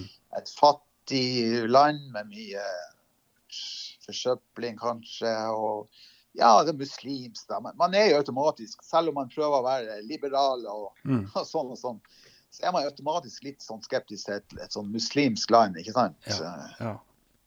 Selv om man prøver ikke, ikke å være fordomsfull. Ja, ja. Så jeg hadde kanskje ikke så mange Jeg hadde kanskje litt lave forventninger til Indonesia. Mm. Men eh, Og da, når jeg bare fikk nesten bare positive opplevelser der, så, så ble det, det ble skikkelig fullt. Nei, det, det er helt totalt annerledes. Alt er helt annerledes enn i Norge. Ja. Altså kultur, eh, mat Ikke sant. Alt er helt annerledes. Og supergjestfrie folk, ikke sant. Det, Ja. det, Nei, jeg har, fått, jeg har fått tilbud om å reise til Indonesia. Jeg, jeg, jeg har en kompis eh, bekjent eh, som, som har en eh, Ja, hva er det for noe? En fetter eller et eller annet som driver med noen sånn motorsykkelturer. Og kunne tatt meg ned der og drive med noe turing og sånt. Så jeg har noen stående tilbud på det. Det, det har hørtes uh, skikkelig gøy ut, altså. nei, jeg kan, jeg kan ta noen minutter om Indonesia hvis du vil. eh. Ja, vi har tid. Det er bare kjør på. Jeg, jeg, jeg kan, når vi snakker om politi, korrupt politi, Ja. så kan jeg jo eh, nevne en episode jeg hadde med indonesisk politi. Og jeg ble jo advart at indonesisk politi de er korrupt, så der må du, de, der må du bare være veldig forsiktig. ja. Men det, jeg tror vel egentlig det gikk mest på det politiet på Bali og på de der turiststrøkene i Indonesia. For de er nok sikkert litt korrupte der. Ja. Men dette var på den øya som heter Sulawesi. Det er ei øy som ligger sør-øst for Borneo. Men Det er ei svær øy, men det var ikke så mange som vet hvor det er. Men Mhm. eh, det er ei svær øy. Det er over 2000 km fra nord til sør på den øya der. Ja. Så det, og er selv av de som kjører over, kjører gjennom Indonesia, overlanda gjennom Indonesia, er det ikke så mange som drar dit. Så jeg prøvde jo å gjøre litt research der, vet du. Mm. Men jeg fikk, fant ikke så mange som hadde kjørt gjennom det. Det var en, det var en australier eller newzealender som hadde reist over der på, på trøsykkel, ikke sant. Men eh, det, var det, det var det eneste jeg klarte å, å komme fram til der. da. Ja. Det er sikkert noen som har kjørt på motorsykkel gjennom der, da. Det er vestlige folk, da. Men eh, det var ikke så lett å finne noe info om det. Nei, nok om det. Eh, eh, jeg ankom den største byen der. Det er sånn 36 timers ferge over fra Surabaya på Javaøya. Mm. Det var jo et eventyr bare den ferga der, men den skal må vi ta en annen gang. Eh, og, nei, så var det en fyr som hadde truffet på Java, en uh, motorsykkelkar, som hadde tipsa meg om en fyr eh, som bodde i Makassar, som også var motorsykkelfyr. Eh, han sa han kunne hjelpe meg, og bla, bla, bla. og sånn og sånn. Og det, var- jeg var bare, du, Da var jeg blitt så selvsikker at da tenkte jeg nei, nå skal jeg, jeg skal ordne alt sjøl. Jeg skal ikke ha noe sånn hjelp og sånn. Det hadde, jeg hadde, jeg hadde ble plutselig fått en voldsom selvtillitboost der. da. Riktig. Men eh, vi ankom seks-halv syv-tida morgenen til Makassar, og han fyren som hadde tilbudt seg å, å hjelpe meg der, han sto på kaia der og tok meg imot. Han sto og venta. Kan vi si at Ja, han sto og venta, han, sier jeg. han sto og venta, ja, og jeg bodde hos han i tre dager, for jeg var gjesten deres. Og han ordna mat, og han ordna alt til meg. og Superherlig fyr og superherlig gjestfri familie. Mm. Um, og så når jeg da skulle videre, kjøre rundt på Sulawesi-øya, så ga han meg noen telefonnummer. da. Mm. Så han, hvis du har noen problemer i den midtre delen av øya, så ring dette nummeret. Og den nordlige delen av øya, så må du ringe dette nummeret. Mm. Og på den østlige delen av øya, så, så får du dette nummeret. Hvis du har, får noen problemer. Jeg kjenner alle de her fyrene, og de er flinke, hyggelige, hjelpsomme folk. Og, og så slengte han det helt ut på slutten. Og han der ene der, han er politi, sa han. Ah. Og da tenkte jeg bare med meg sjøl Indonesisk politi? Nei, det skal jeg ikke ha hjelp av. Så jeg ble jo veldig sånn der Nei, jeg skal ikke ha politi. Jeg skal ikke ringe han fyren, i hvert fall. Nei. Nei. Men så gikk det litt i surr for meg eh, hvem, hvem av dem som var politiet, og hvem som ikke var politi. Da. Jeg kjørte oppover den øya, hadde kjempeopplevelser, og så kom jeg litt på den nordlige delen av den øya. Og jeg hadde kjørt en hel jævla lang dag på dårlig vei og, og på et veldig øde område av den øya. Det var, og jeg endelig kom fram til en by som det skulle være. Det var ikke noe sted å overnatte engang. på den delen der, vet du. Men så kom jeg endelig fram til en by utpå kvelden. Det var i halv ni-ni-tida på kvelden. eh, Og der skulle det være et par hotell og litt overnatt på. det. Ja.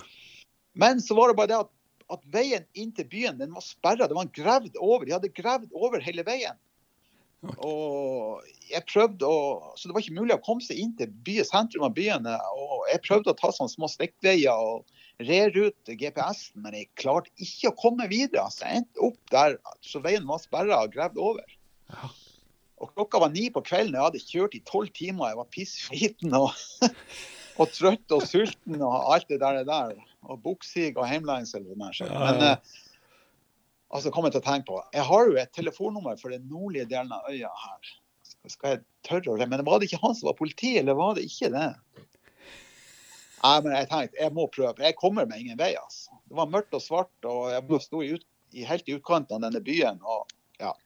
Så jeg fyra av en SMS, forklart hvem jeg var, og hvor jeg har fått tak i nummeret til vedkommende, og sånn og sånn. Ja. det gikk bare noen minutter, så fikk jeg svar på den SMS-en.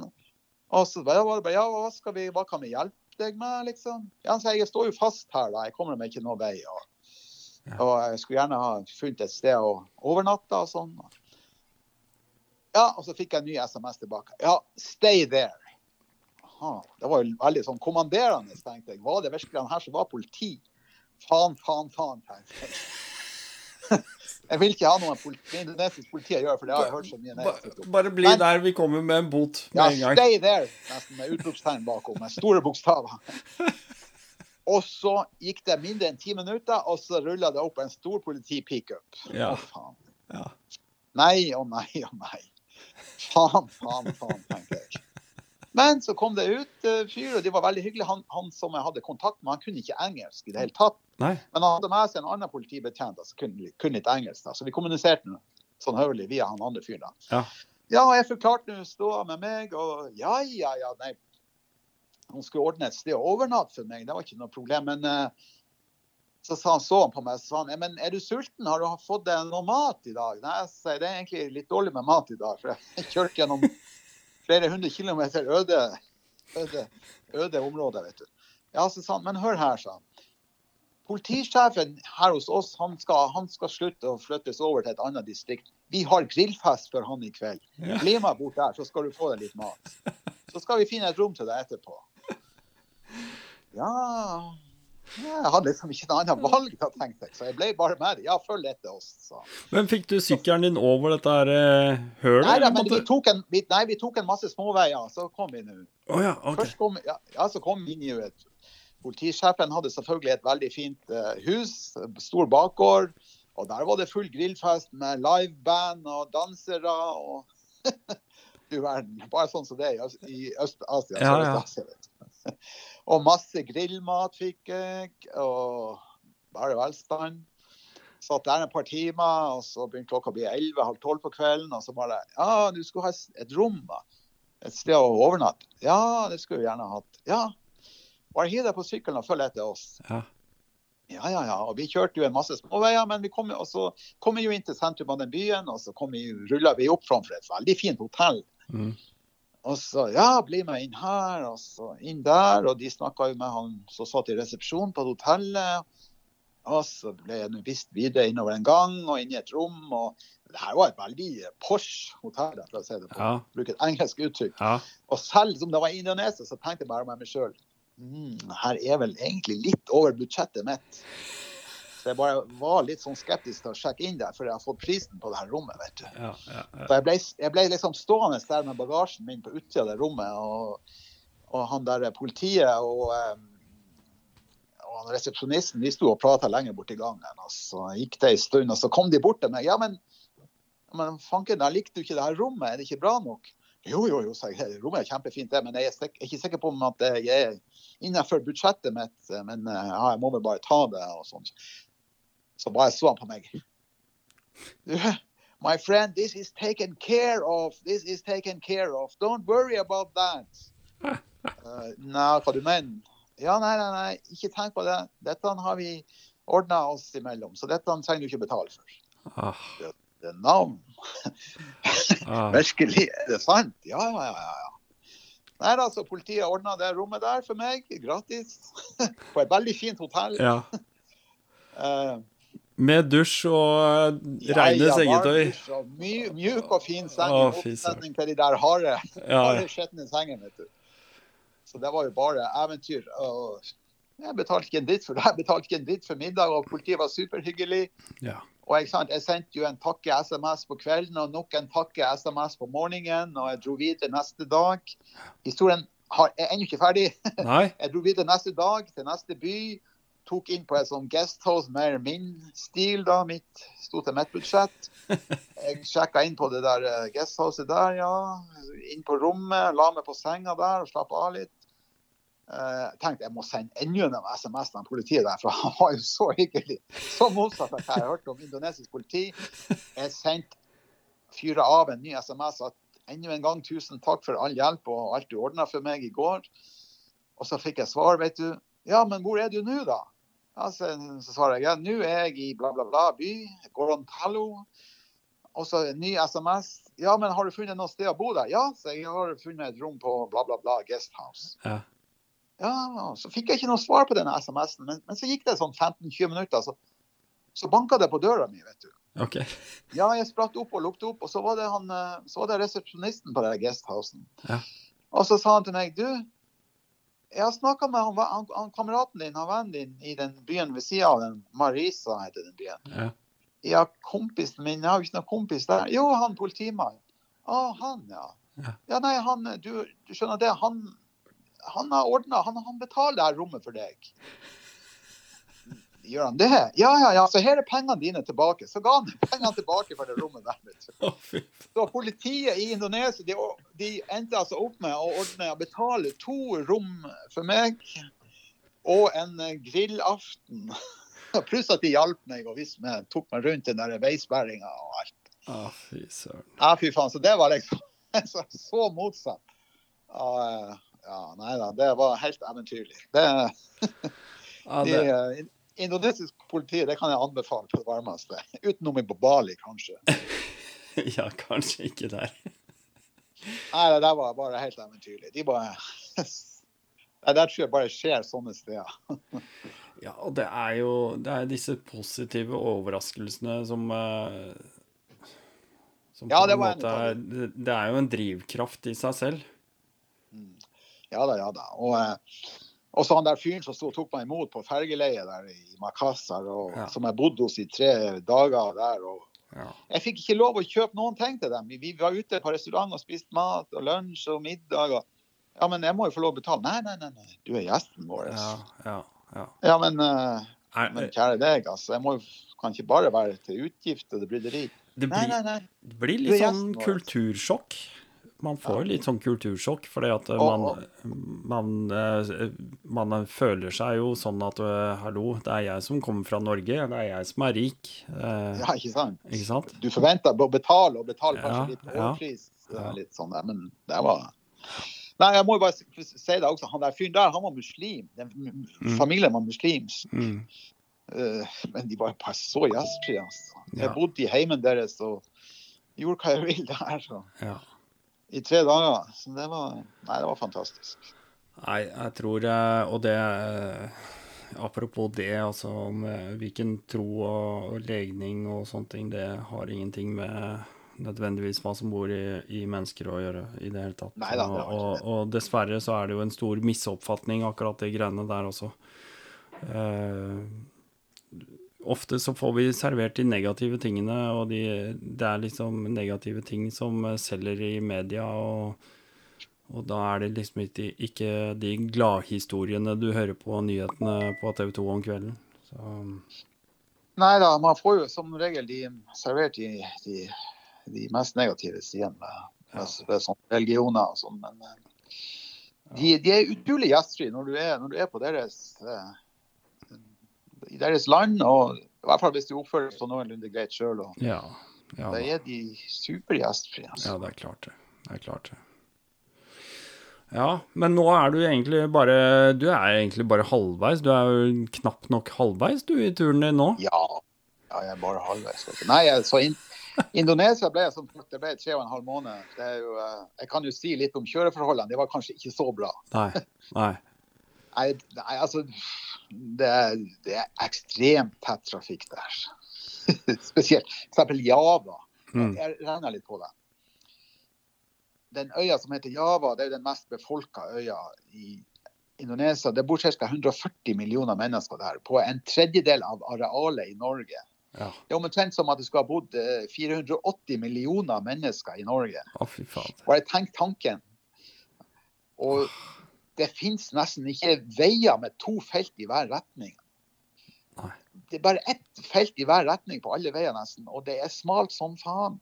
Så en, en vanlig buss, ofte, ofte, noen ganger er det OK, men en, en buss og en lastebil, hvis de kommer kjørende, så, så, så må de ha sitt ene hjulpar over på den andre kjørefeltet mange Ja. steder. Ja. Så smalt er det. Så nei, eh, kjøringa gikk smått ofte der, da. Så en, en, en, en 300 km dag i uh, Indonesia, det var en lang dag. Mm. Og, og 400 km der, det var en forferdelig lang dag. Det var jo snakk om tolv timer. Altså. Uh, så, så kjøringa gikk ikke så veldig fort der, da. Men, eh, Nei, men jeg, var vel, jeg kjørte vel 11 000-12 000 km på, uh, på tre og en halv måned. Jeg var jo mye i ro også da, og opplevd steder. ja. Jeg var jo, jeg var jo Når, dager når man er på en sånn tur, så må man jo ta seg tid til å suge inn de eh, lokale inntrykkene også. Og Det, det er fort gjort eh, når man har altså, og, og så tenker jeg kanskje, det kan jo du bekrefte eller avkrefte, men jeg tenker jo sånn hvis man bare har 14 dager på seg, så skal man liksom kjøre så langt som mulig på 14 dager, ikke sant? Og, eh, men man opplever jo ikke noe spesielt mer enn da bare å kjøre. Eh, mens, Ja, nei, ja, det er sant. mens hvis Eh, man men- har eh, ett år eller to år eller hva det er for noe, så, så kan man liksom stoppe opp litt og uh, kanskje ta seg en kjørefri dag og, og liksom gå litt rundt og få med seg litt lokal historie og den type ting, da. Ja, jeg, jeg syns det er veldig viktig, og jeg har alltid gjort det. Ikke sant? Jeg, jeg var i Sydney Australia da jeg kom dit, så var der vel i Jeg tror jeg booka et sted å bo i fire dager, men jeg booka det tre dager til, for jeg syntes det var så jævla kult. å være. Tenk, jeg er i Sydney på min egen Ja. motorsykkel. Ja, ja. Og alle de der kjente stedene i Sydney. Og sammen når jeg var i Rio de Janeiro i Brasil, når jeg kom dit, vet du. Ja. Jeg booka vel også en tre eller fire dager der i utgangspunktet, men faen, jeg- forlenga det oppholdet med to-tre dager. Ja. Det, er så, det er en så kul by, ikke sant. Det er så mye å se der. Og det kanskje, kanskje er det den eneste gangen i livet jeg kommer hit og ser, kan se her. Jeg skal ikke bare kjøre rett gjennom her. Jeg må Nei, stoppe og se meg litt om. det er det. Australia, er det, så, eh, er, det, er det så strengt som alle har inntrykk av? Altså, må du plukke sykkelen din ned i småbiter og vaske og gjøre rent alt mulig? Eh, ja, det må du. Ja. Så du bruker eh, faktisk eh, to dager bare på å vaske sykkel? Jeg brukte vel fire dager. Ja, akkurat. Ja. Nå tenkte jeg at Og det var fra morgen til kveld. Fra soloppgang til solnedgang. Ja. Ja. Eh, og utstyr, og campingutstyr, og, og motorsykkel, jakke og bukse. og Ja, alt være Ja, for det er ikke klinisk Nei, selvfølgelig ikke. Det er ikke bare sykkelen. Det er alt De, de studerte teltpluggene mine jævlig nøye. Ja, riktig. Riktig. Ja, Ja, da, nei, det var jo tre, tre og en halv måned i, eh, i eh, Indonesia, og så var, det jo, var jeg jo noen dager på Øst-Timor. Mm. Og Men eh, jeg- der angrer jeg litt på. Ettertid, der, der så jeg meg ikke mye rundt. altså. Der bare var det skrubbing og klargjøring av sykkelfrakt som sto på programmet. Så ja, ja. det var det er egentlig et sted jeg skulle vært tilbake. Selv om det er pissfattig land. Jeg tror det var det fattigste landet jeg var innom. Altså, folk hadde ikke engang sandaler på beina. De gikk rundt barbeint, de fleste. Så. Men allikevel. Mm. Man skal ta seg litt tid til å, å sette seg litt rundt der. Men OK, sånn ble det. Det ble sånn. Jeg brukte litt for mye tid i Indonesia da. Mm, mm. Forresten, jeg har en jævla god historie hvis det var tid. Akkurat når jeg skulle krysse over fra Indonesia til Øst-Timor. Ja. Jeg holdt på å bli eh, fast på grensa der. Eh, du vet, Timor er jo ei øy som er delt i to. Vest-Timor hører til Indonesia. Øst-Timor er jo et selvstendig land, da. Ja. Ja. Og eh, jeg har jo Det er jo ikke mye trafikk over den grensa der. Grenseovergangen der, vet du. Mm, så den stengte vel eh, Du vet, jeg hadde gjort research på forhånd. Mm. eh, den, eh, den grensen stengte klokka fem på ettermiddagen. OK. Og, eh, og jeg overnatta jo For jeg måtte ordne sånn der, eh, vis, eller sånn der godkjennelsespapir for å få visum når du kom inn i Øst-Timor. Så det ordna jeg i den byen, den største byen. her. Den heter Kupang, tror jeg. Okay. Når du tok ferge over fra Flores, den nest siste øya der i Indonesia, så var jeg i Kupang et par dager og ordna meg og var på det østtimorske konsulatet der og fikk et sånn godkjennelsespapir på visum. Og så sjekka jeg ut. Ja, nei. eh, For det var, et, det var en dags kjørende fra Kupang også til grensa der.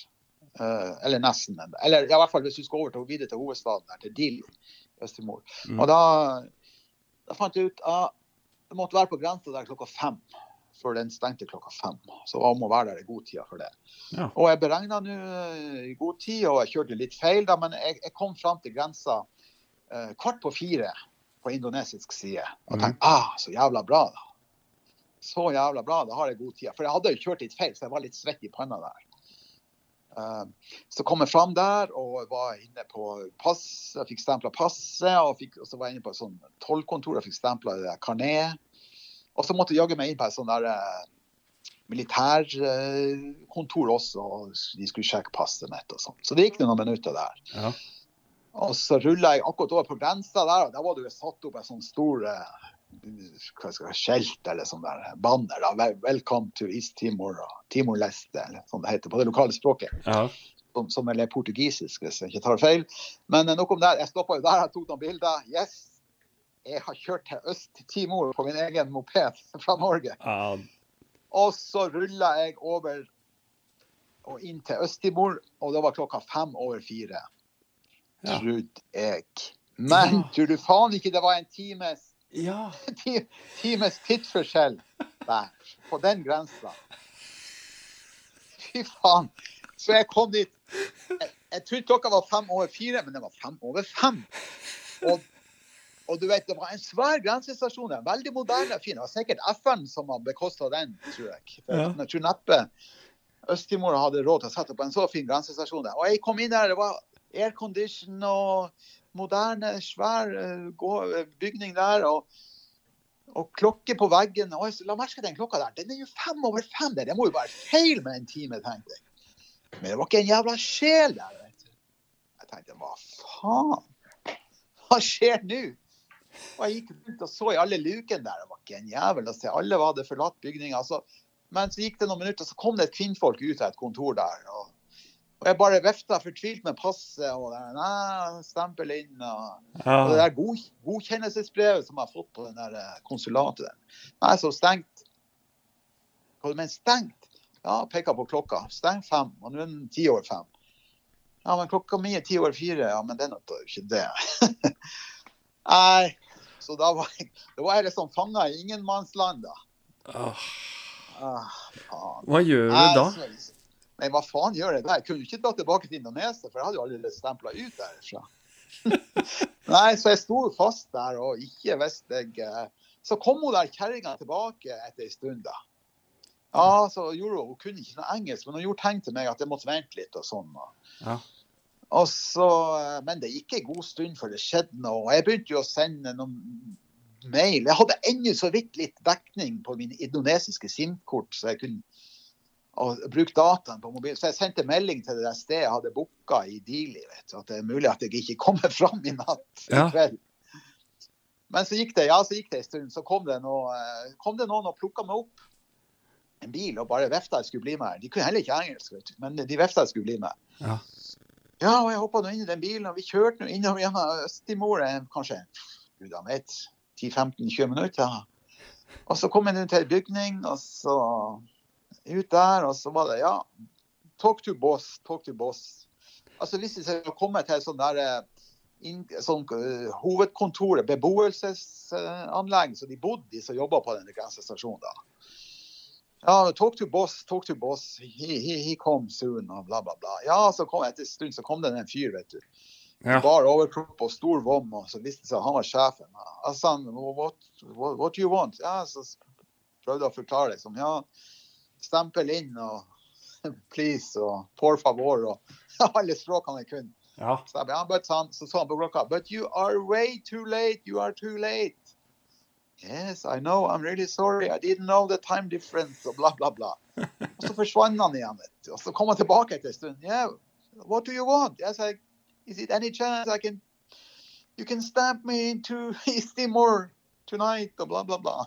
ja. Ja, fyren forsvant igjen. Men så kom han tilbake etter en stund. Ja, bli med.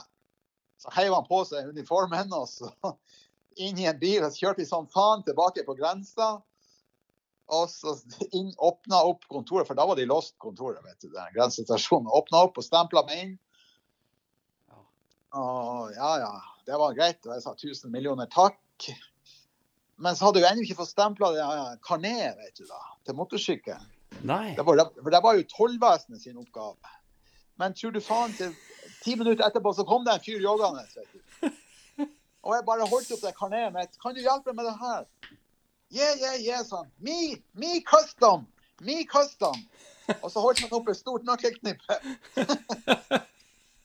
og så låste han opp den lille custom-bua, for det var ei anna bu igjen. Det var ikke den der store kontoret til immigrasjonen. Nei, det var noe annet. Så åpna han opp den lille bua si, og så er framme det karnetet mitt.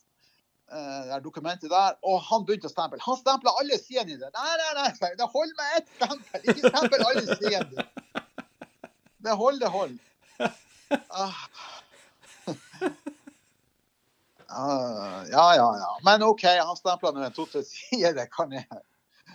Så det var i hvert fall stempla ferdig. Ja, for Eh, det, for det karnetet, det er sånn du Det er vel sånt du må kjøpe, og så har du x antall sider som du kan bruke, Ja, ja, og, og da har du liksom ett stempel per land, eh, er det ikke noe sånt? Og han brukte jo opp flere, flere Ja. land. Ja, ja, nok om det. Nei da, så da var klokka bortimot åtte på kvelden, og da hadde jeg ennå en to-tre timers kjøretur inn til Dili, så jeg kom jo fram klokka elleve på kvelden. Ja, men eh, OK. Det var den dagen jeg ble nesten sittende fast i ingenmannsland mellom Indi Indonesia og Øst-Timor. Det var en litt artig historie, det også. da. Som, en, som endte godt. da, Det er mye rart man kommer ut for på en sånn tur, vet du. Ja, men der, der ser du også da den derre store spriket da, mellom det å bli eh, tatt eh, for å krysse en helsperra linje og må betale 50 euro, og kontra det å liksom bare få hjelp av tilfeldige folk som uh, tilbyr deg overnatting og mat og, og gjestfrihet og Altså, det er, de- det er jo Det er opp- og nedturer. Det har jo aldri skjedd i Norge at noen har åpna grensa. For han åpna jo simpelthen grensa, eller altså hele den der immigrasjonsstasjonen sin. Nei. Nei, det hadde ikke skjedd. Det hadde jo aldri skjedd. Og, det var, og da var vi allerede over en time på overtid. Ja, ja, ja. Ja, nei, det er helt helt... Nei, så det er når man skal, når man skal krysse grensa, så er det om å, man gjør research på det, så det er om å, om å legge til merke om at det er tidsforskjell mellom landene også. Det er det. Det er det. Det er Men det er morsomt at det var akkurat der, da. Ja. Ja. Hvem kunne tenke seg det? Åh. Men du kommer deg i hvert fall til Australia, du, og så eh, ja da, så kom jeg med til Øst-Timor og fikk etter hvert skippa sykkelen over. Det var jo også litt om og men, men det har viktig til å ta, bare ta, snakke om nå. Men jeg kom over til Australia. Ja. Og da var vi vel kommet til månedsskiftet, eller det var slutten av oktober var vi kommet til 2015 der. Da. Ja. Og det er, jo, det er jo litt styr for å Det var litt styr for å få sykkelen godkjent og alt det der. der da. Ja. Ja, Og så, du må jo liksom ha forsikring på det her. Og, men OK, vi, eh, det gikk jo greit. Og, og så traff jeg en tysker som jeg eh, hengte meg på der, som, som vi kjørte i lag. Jeg, kjørte, jeg tok jo den um, Vi kjørte jo fra Darwin, og så kjørte vi jo ned på nordvestkysten og vestkysten og til Perth Mm. i lag, jeg og han der tyskeren da, som jeg tilfeldigvis traff i Darwin. Uh, ja. Så da kjørte vi annet en uh, sånn outback, uh, outback-vei som heter The Gibb River Road. Det var Ja. 800 km gjennom outbacken. med 700 av de kilometerne var jo grusvei. Så Ja. det, Rått. det var tøft. Varmt, var eller? tøft. Å ja, det var begynt å bli skikkelig varmt. Og, Ja. og det var faktisk inn i regntida også. ja. For det, det en, Der var det jo en del sånne der villmark lodging og sånn, men de, var, de stengte 1. Oktober, eh, 1. november. OK. Så de var stengt, egentlig. Vi, vi prøvde å kikke innom en par sånne steder, men de var allerede stengt for sesongen. Eh, eh, nei, det er ikke mye. Når de der er sted, så er det ett sånn der lite sted. På de 800 km er det bare en, en plass å fylle bensin, og det er sånn ca. mett etter den veien der. da. Mm. Så vi, vi kom oss jo dit og fylte bensin, heldigvis, og så kjørte vi videre. da. Ja. Så ja, Vi brukte vel fire dager på å krysse de der 800 km. Men vi tok jo noen avstikkere også ute, sånn litt sånn sightseeing-punkter. Ja. Ja da, så kjørte vi ned og vestkysten av Australia. Der er det ikke så veldig mye. Men eh, Nei, vi stoppa nå på de stedene som var der, de fleste stedene. da. Og så så oss litt om og kula litt. Og, Og da, ja, hadde du, litt. da. da hadde du fulgt med han stort sett eh, hele oppholdet i Australia? ja da, vi, vi kjørte i lag en måneds tid fra Darwin og nedover til Perth. Der skjelte vi lag igjen da. Ja. Åssen er det med altså, disse kenguruene? Ja, de er ganske De må, de må du passe deg for, altså. Ja. Alle sånne dyr der nede, de har ingen sans for eh, De skjønner seg ikke på biler Nei. og lys og, og alle sånne. Det er mye roadkills. Ja, det er forferdelig mye roadkill, altså. Det er forferdelig. Det er stygt, det er stygt å se på. Sånn Ja, det roadkill. tror jeg jeg kan tenke meg det. Det kunne ligge faen meg 10-12-15 sånne kenguruer på en kilometer. Altså. Ja. ja. det er helt Det var- sprøtt, altså. Det er kjedelig. Nei, etter hvert så fikk jeg en, en god, eh, god venn inne i Australia som jeg bodde hos når jeg kom så langt. Og han hadde jo hatt det. Han var jo australier selvfølgelig. Og han, han hadde jo hatt en kjempeulykke med en sånn der Var det en Wallaby, eller hva det heter, Ja. som hoppa rett ut i veien før han, havnet. Så han, han hadde jo et kjempekrasj der. Og, På motorsykkel, da. på motorsykkel, ja. Mm, mm. hadde jo nakkeskader og hodeskader etter den der krasjen sin. Ja, såpass. Ja, For en sånn wallaby, de er vel eh, ganske små, men beinharde, er de ikke det? Ja, jeg er ikke så veldig sikker på det, men i hvert fall. Han krasja nå i, i bra stor fart, vet du. Ja, ja OK. Ja. Uh, han mista balansen på sykkelen og tryna ut i grøfta, og, da er det jo liksom Nei, eh, kanskje jeg som roter litt. Jeg tenkte litt på at de ligner kanskje litt på sånn grevling eh, Ja, det er mulig det er mulig det var det. Jeg skal ikke si det for sikkert. Det ble i hvert fall en, en, en litt stygg ulykke. Nei, de, Mm. jeg, jeg snakka med en sånn langtransportsjåfør på de der eh, road trainene, som de kaller de før. Ja, ja. Og han, han sa at de eneste dyrene som har litt eh, det, Som hadde litt sånn der eh, menneskelig fornuft, på en måte, som, som skydde trafikken litt, det var kyr. ja. Hvis, de fløy, hvis de kom på en sånn road, road train, sånne trailere med fire vogner bak, sånn, de er vel 50-60 meter lang, de der. Ja. Han sa de eneste dyrene det gikk an å fløyte på, og, og litt sånn der, for de gutta der bremsa ikke. Nei. Eller road de bremsa ikke, for det er ikke noe poeng. Liksom. Nei, så eneste som nytta å bremse, det var kyr. Ja. De, de, hopp, de, de, de, de hoppa unna veien. Men de er jo nærskjedd igjen, så du måtte nært de da. Ja. Uh, men sånne kenguruer og alt sånn vill- villliv, villdyrsliv i Australia, de, de skjønte ikke. Det gikk ikke an å fløyte på de, for de, de stoppa liksom opp i stedet for. Så, eh, det var for det han sa, da. Det, Jo, ja, men jeg hadde, heldigvis hadde jeg ingen uh, sånne Jeg kjørte ikke på noe slags dyr i Australia. Nei. nei. Det, dyr er uforutsigbart, og de kan uh, fort løpe Ja, over er veien, og så tror du at du er kvitt dem, og så fant vi ut at nei, jeg skulle vært på andre siden av veien allikevel. Og så kommer Ja. de faen meg tilbake igjen. Det har jeg opplevd noen ganger. Og, Jeg husker jeg kjørte på, jeg kjørte på et sånt ekorn oppe i, hvor faen var det, oppe i Canada. Mm. Og, det, og jeg begynte jo å bremse ned, for ekornet ombestemte seg tre-fire ganger når jeg kjørte over veien. Ja, ikke sant. Det sprang, sprang over veien én gang, og så tilbake, og så tilbake, og tilbake. Ja. Og så kjørte jeg over deg igjen. Ja. ja. det var- ekkelt. Det var ekkelt. ja, det er jo kjedelig, da, hvis du har noe empati og Pels og skinnet bare spruta opp. Men det gikk fort. Ja, det gikk jævla Å, fort. faen, altså. Nei, det er Men heldigvis at det var så lite dyr, da. ikke sant? Eh, Et ekorn det hefta ikke, men uh, Nei, hadde det vært noe større, så hadde det jo da hadde det fort mista balansen. Og, Ja. Nei, jeg, kjørte på en hund jeg nede i, i Romania. Uh, Ja, det er nok å ta de der. Det var faen, altså.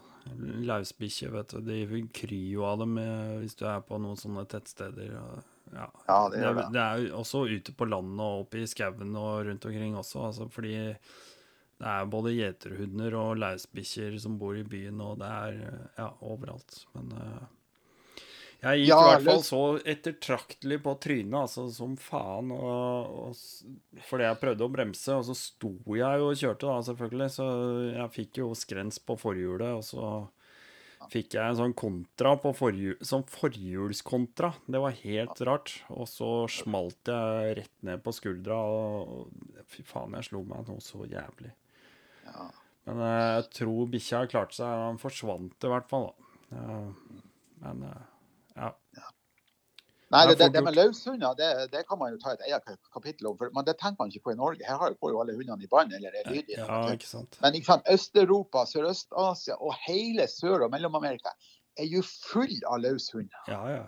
Det er jo, det er jo en, en faktor du må ta i betraktning både i trafikken og når du går og når du camper. Og ja, ja. jeg, jeg, jeg ble jo bitt skikkelig heftig av en hund i Peru, og jeg har jo en ødelagt finger pga. det. altså. Og du har det, ja? Ja, jeg har det. Men hvordan, sånn eh, hvordan løser du det? Eh, Er det liksom eh, Stoler du på at du har en to år gammel stivkrampe før du reiste, eller hva gjør du? for- Ja, du skjønner, det, det jeg var mest redd for med den hunden der, det var jo rabis. Rabis, ja. ja.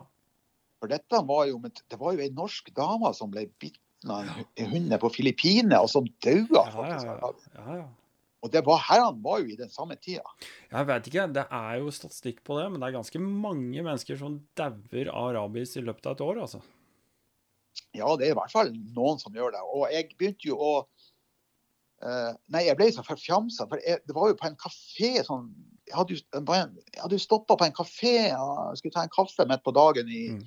i Peru. En, en kafé som lå i tilknytning til en bensinstasjon. vet du, og Der kom det faen til slutt ei bikkje og beit meg i handa.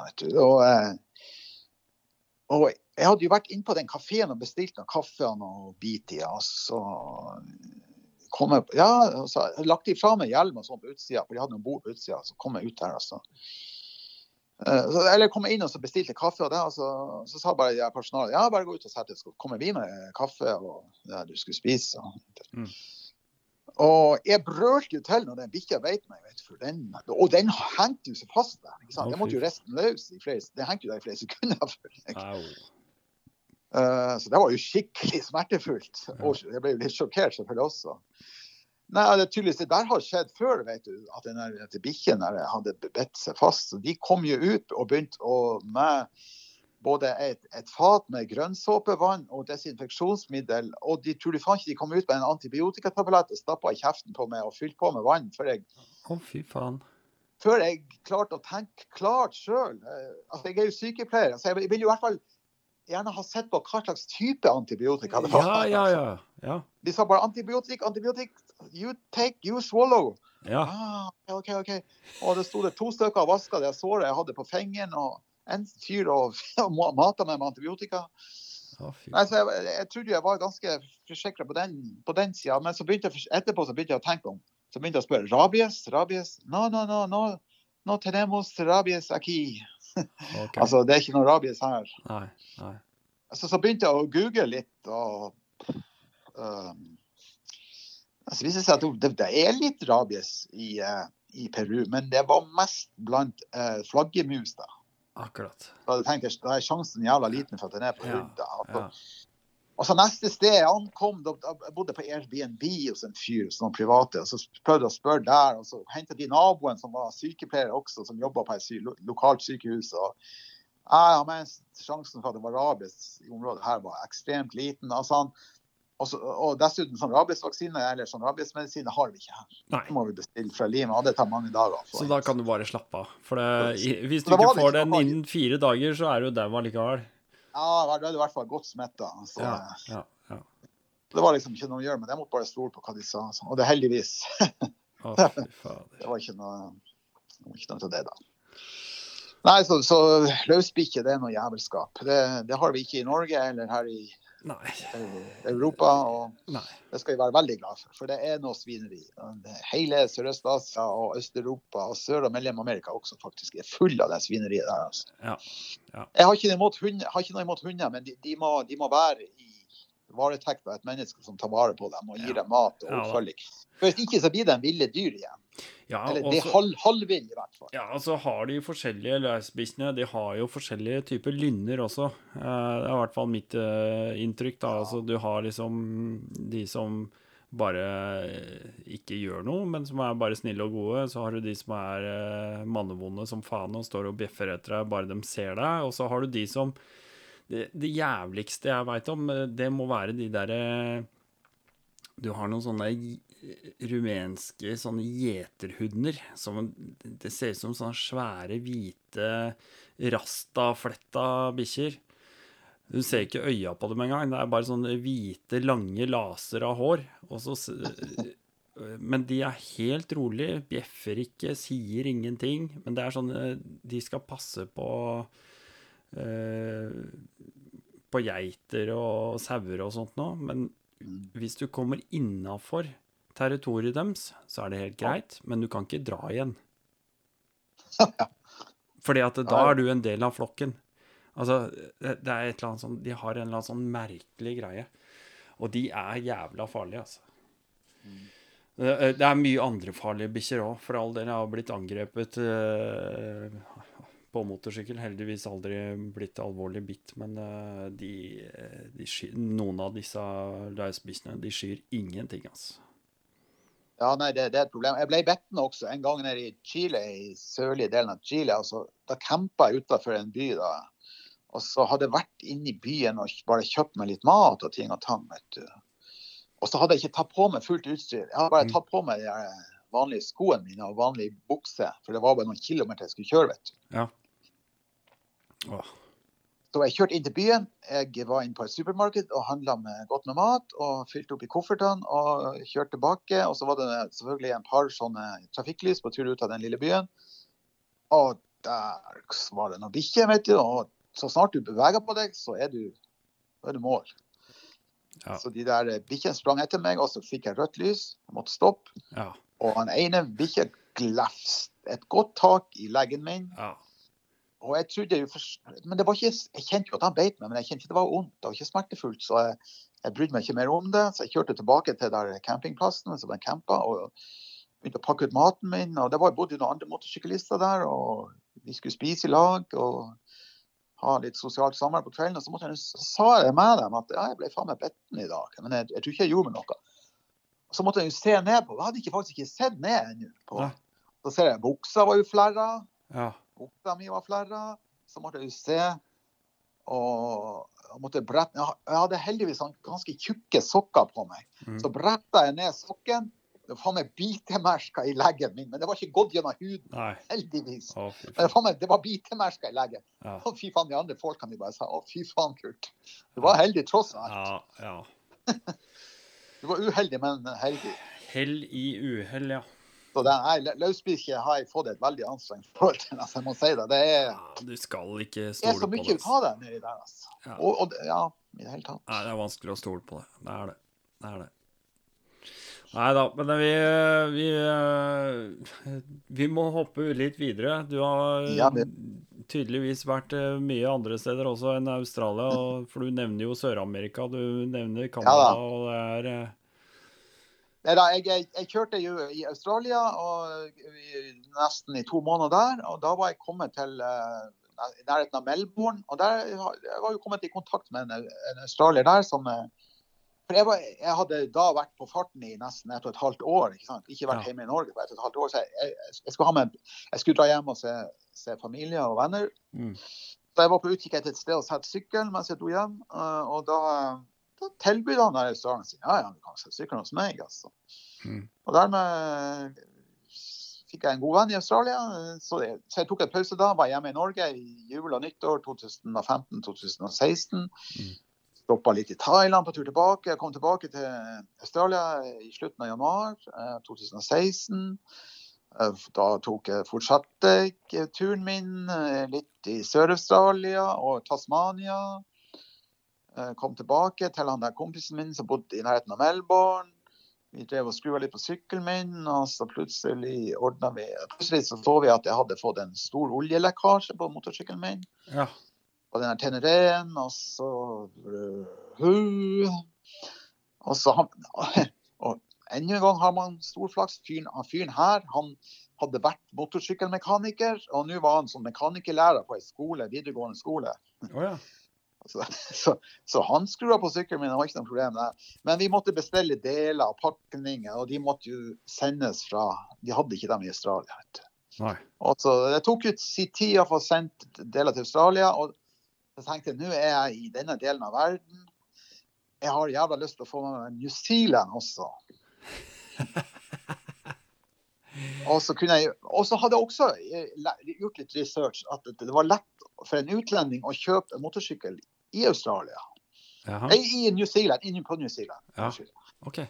For det er jo ikke alle land man, man kan bare som utlending bare rocke opp og kjøpe seg en sykkel og få den registrert. Men New Zealand var det visstnok veldig greit å få gjort det. Ja. Så jeg bare Så han der kompisen min i Australia han sa jeg har en svigerbror som bor i New Zealand også. Hvis du trenger noen hjelp der, så hjelper han deg. Ja. Eh, sykkelen din står trygt hos meg, og når de pakningen kommer, så skal jeg fikse sykkelen din. Ikke tenk på det. Dra til New Zealand hvis du vil. Jeg, gjorde litt research på nettet, kontakta, fant en sånn nettside for salg av motorsykler på New Zealand. Avtalte litt fram og tilbake der med en fyr. Eh, fikk, fant en sykkel som så lovende ut. Kjøpte meg billett, flybillett over til New Zealand. Landa i Wellington klokka 11 på kvelden. Og før klokka 12 neste dag hadde jeg kjøpt meg en Suzuki DR 650. Fullt utstyrt for, og registrert fikk han og forsikra. Oh, uh. Eh, Så man må ta noen sjanser. Man må være litt impulsiv noen ganger. Men man hadde jo gjort research. Da, så det var ja. Hvor mye Så, må du gi for nei, en sånn sykkel der, da? jeg betalte en eh, for den sykkelen der. Det var jo fullt adventure-utstyrt, overland-utstyrt. Eh, Med stor eh, ettermarkeds bensintanke og kofferter og vindskjerm og GPS og alt sånt der. Mm. Betalte jeg ikke 7500 eh, sånne New Zealand-dollar, mener jeg Ja. det. Okay. Eh, det ble noen og 40 45 000 norske, Mm. mener jeg. Og Den sykkelen var bare gått eh, 10 000 km Ja. og hadde veldig godt utstyrt. Så det, var, en- det, det er veldig det. En 650 motorsykkel. Eh, fem, jeg, jeg tror dollar, den, sånn, den dollaren, den New Zealand-dollaren sto ca. 550 på den tida. Ja, ja, ja, noen og 40 000, 45 000 norske eller noe sånt. det. Jeg mener det ble noe sånt. Ja. Og, og, det- og det var jo litt eh, Sesongen var på hell. Eller ja, det, det var jo på høsten i New Zealand. Det, jeg kom dit i begynnelsen av mars 2016. da. Mm. Så det var jo om å få, få gjort det her før, før det ble vinter der. Eh, for det blir jo litt kaldt der også. ja. Den ligger såpass langt mot sør. Ja, nei, så jeg Da, da kjørte jeg rett eh, over til Sørøya og tura rundt der. Og over til Nordøya. Det er jo, New Zealand er jo to store Ja, øyer som er omtrent like store. Mm. Så jeg tura rundt der i nesten i ti uker. Eller jeg var der i ti uker til sammen. Såpass? Ja. Ja, jeg måtte jo tenke det. ja. Jeg tenker som så. Nå er jeg på New Zealand, Ja. Og jeg har motorsykkel Ja. til rådighet. Nå skal jeg pinadø se meg godt rundt her. Ja, ja, ja. Jeg er sikkert, kanskje, kanskje er det den eneste gangen jeg er her. Så Ja, ja, ikke bruke klart litt tid? Klart det. Så det gjorde jeg. Jeg kjørte rundt der i ti uker, eller nesten ti uker. Og så fikk jeg han der Jeg begynte jo å aventere den til salgs igjen på slutten. da, var rundt og viste den et par steder. Men Mm. det endte jo opp med at han der svigerbroren til han kompisen min i Australia, han som hadde tilbudt seg å hjelpe meg, han hjalp meg med å selge. Ah. Og den ble solgt uka etter jeg dro derifra, så det var ikke noe problem. Ah, Jeg, han jeg, jeg tapte jo litt penger på den da, men Jo, jo, jo, ikke så mye. Nei, Jeg var... en, jeg solgte den vel 2000 dollar billigere enn jeg kjøpte den, men altså Ja. Jeg hadde hatt jævla billig transportmiddel og eget, og, vel, og en velegna sykkel for å kjøre rundt eh, på New Zealand. Jeg kjørte masse grusveier. ja. Herregud, den sykkelen var jo 40-50 kilo lettere enn Teneré. I tillegg hadde jeg mindre oppakning, så det var jo liksom så mye lettere å kjøre grusveier og dårlige veier med den enn Teneré. da. Ja. Eh, Så jeg hadde det kjempefint der. altså. Det begynte, men det begynte å bli kaldt der. da. Det begynte å bli kaldt på slutten. jeg, ja, jeg kom vel tilbake til Australia igjen i 17. 18. nei, 18. 19. mai 2016. ja. Så da var New Zealand-eventyret mitt avgjort, og da var min eh, Min Tenereen min den var fiksa og ordna av min australske venn. Ja. Verden hvor mange hvor hyggelige og hjelpsomme folk man treffer. ja.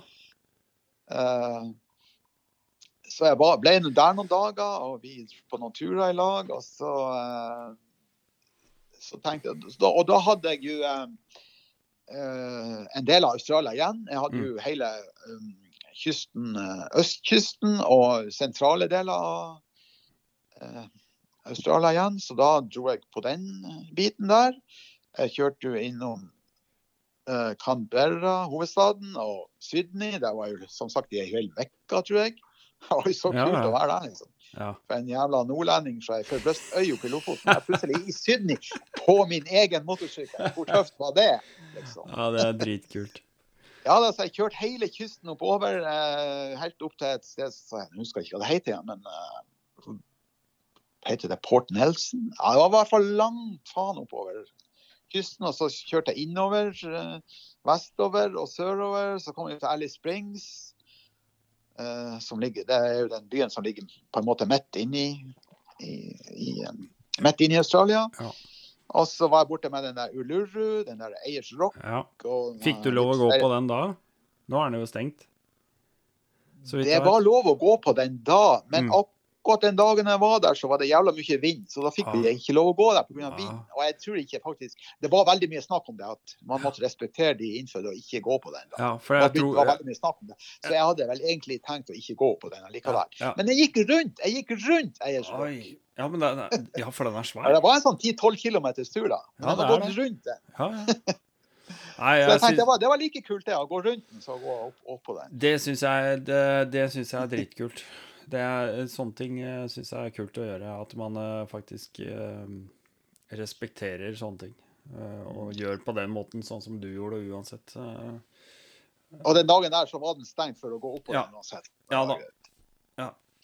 Nei da, og så nei, altså skal jeg fortelle planen min. Så, så kom jeg tilbake til eh, kjørte, jeg var, Det er flere ting å se på enn det der noe, noe som de kaller for the Olgas. Noe sånn veldig sånn rullesteinsgreier. Noe Mm. litt lignende. Og så er det noe som heter Kings Canyon. Altså, det er flere ting å se på inni der. Da. Så jeg brukte noen dager inni der, så kjørte jeg tilbake til Alice Springs. Og, og det som jeg var tenkt på da, jeg var tenkt på å kjøre tilbake til Norge derfra. Oh.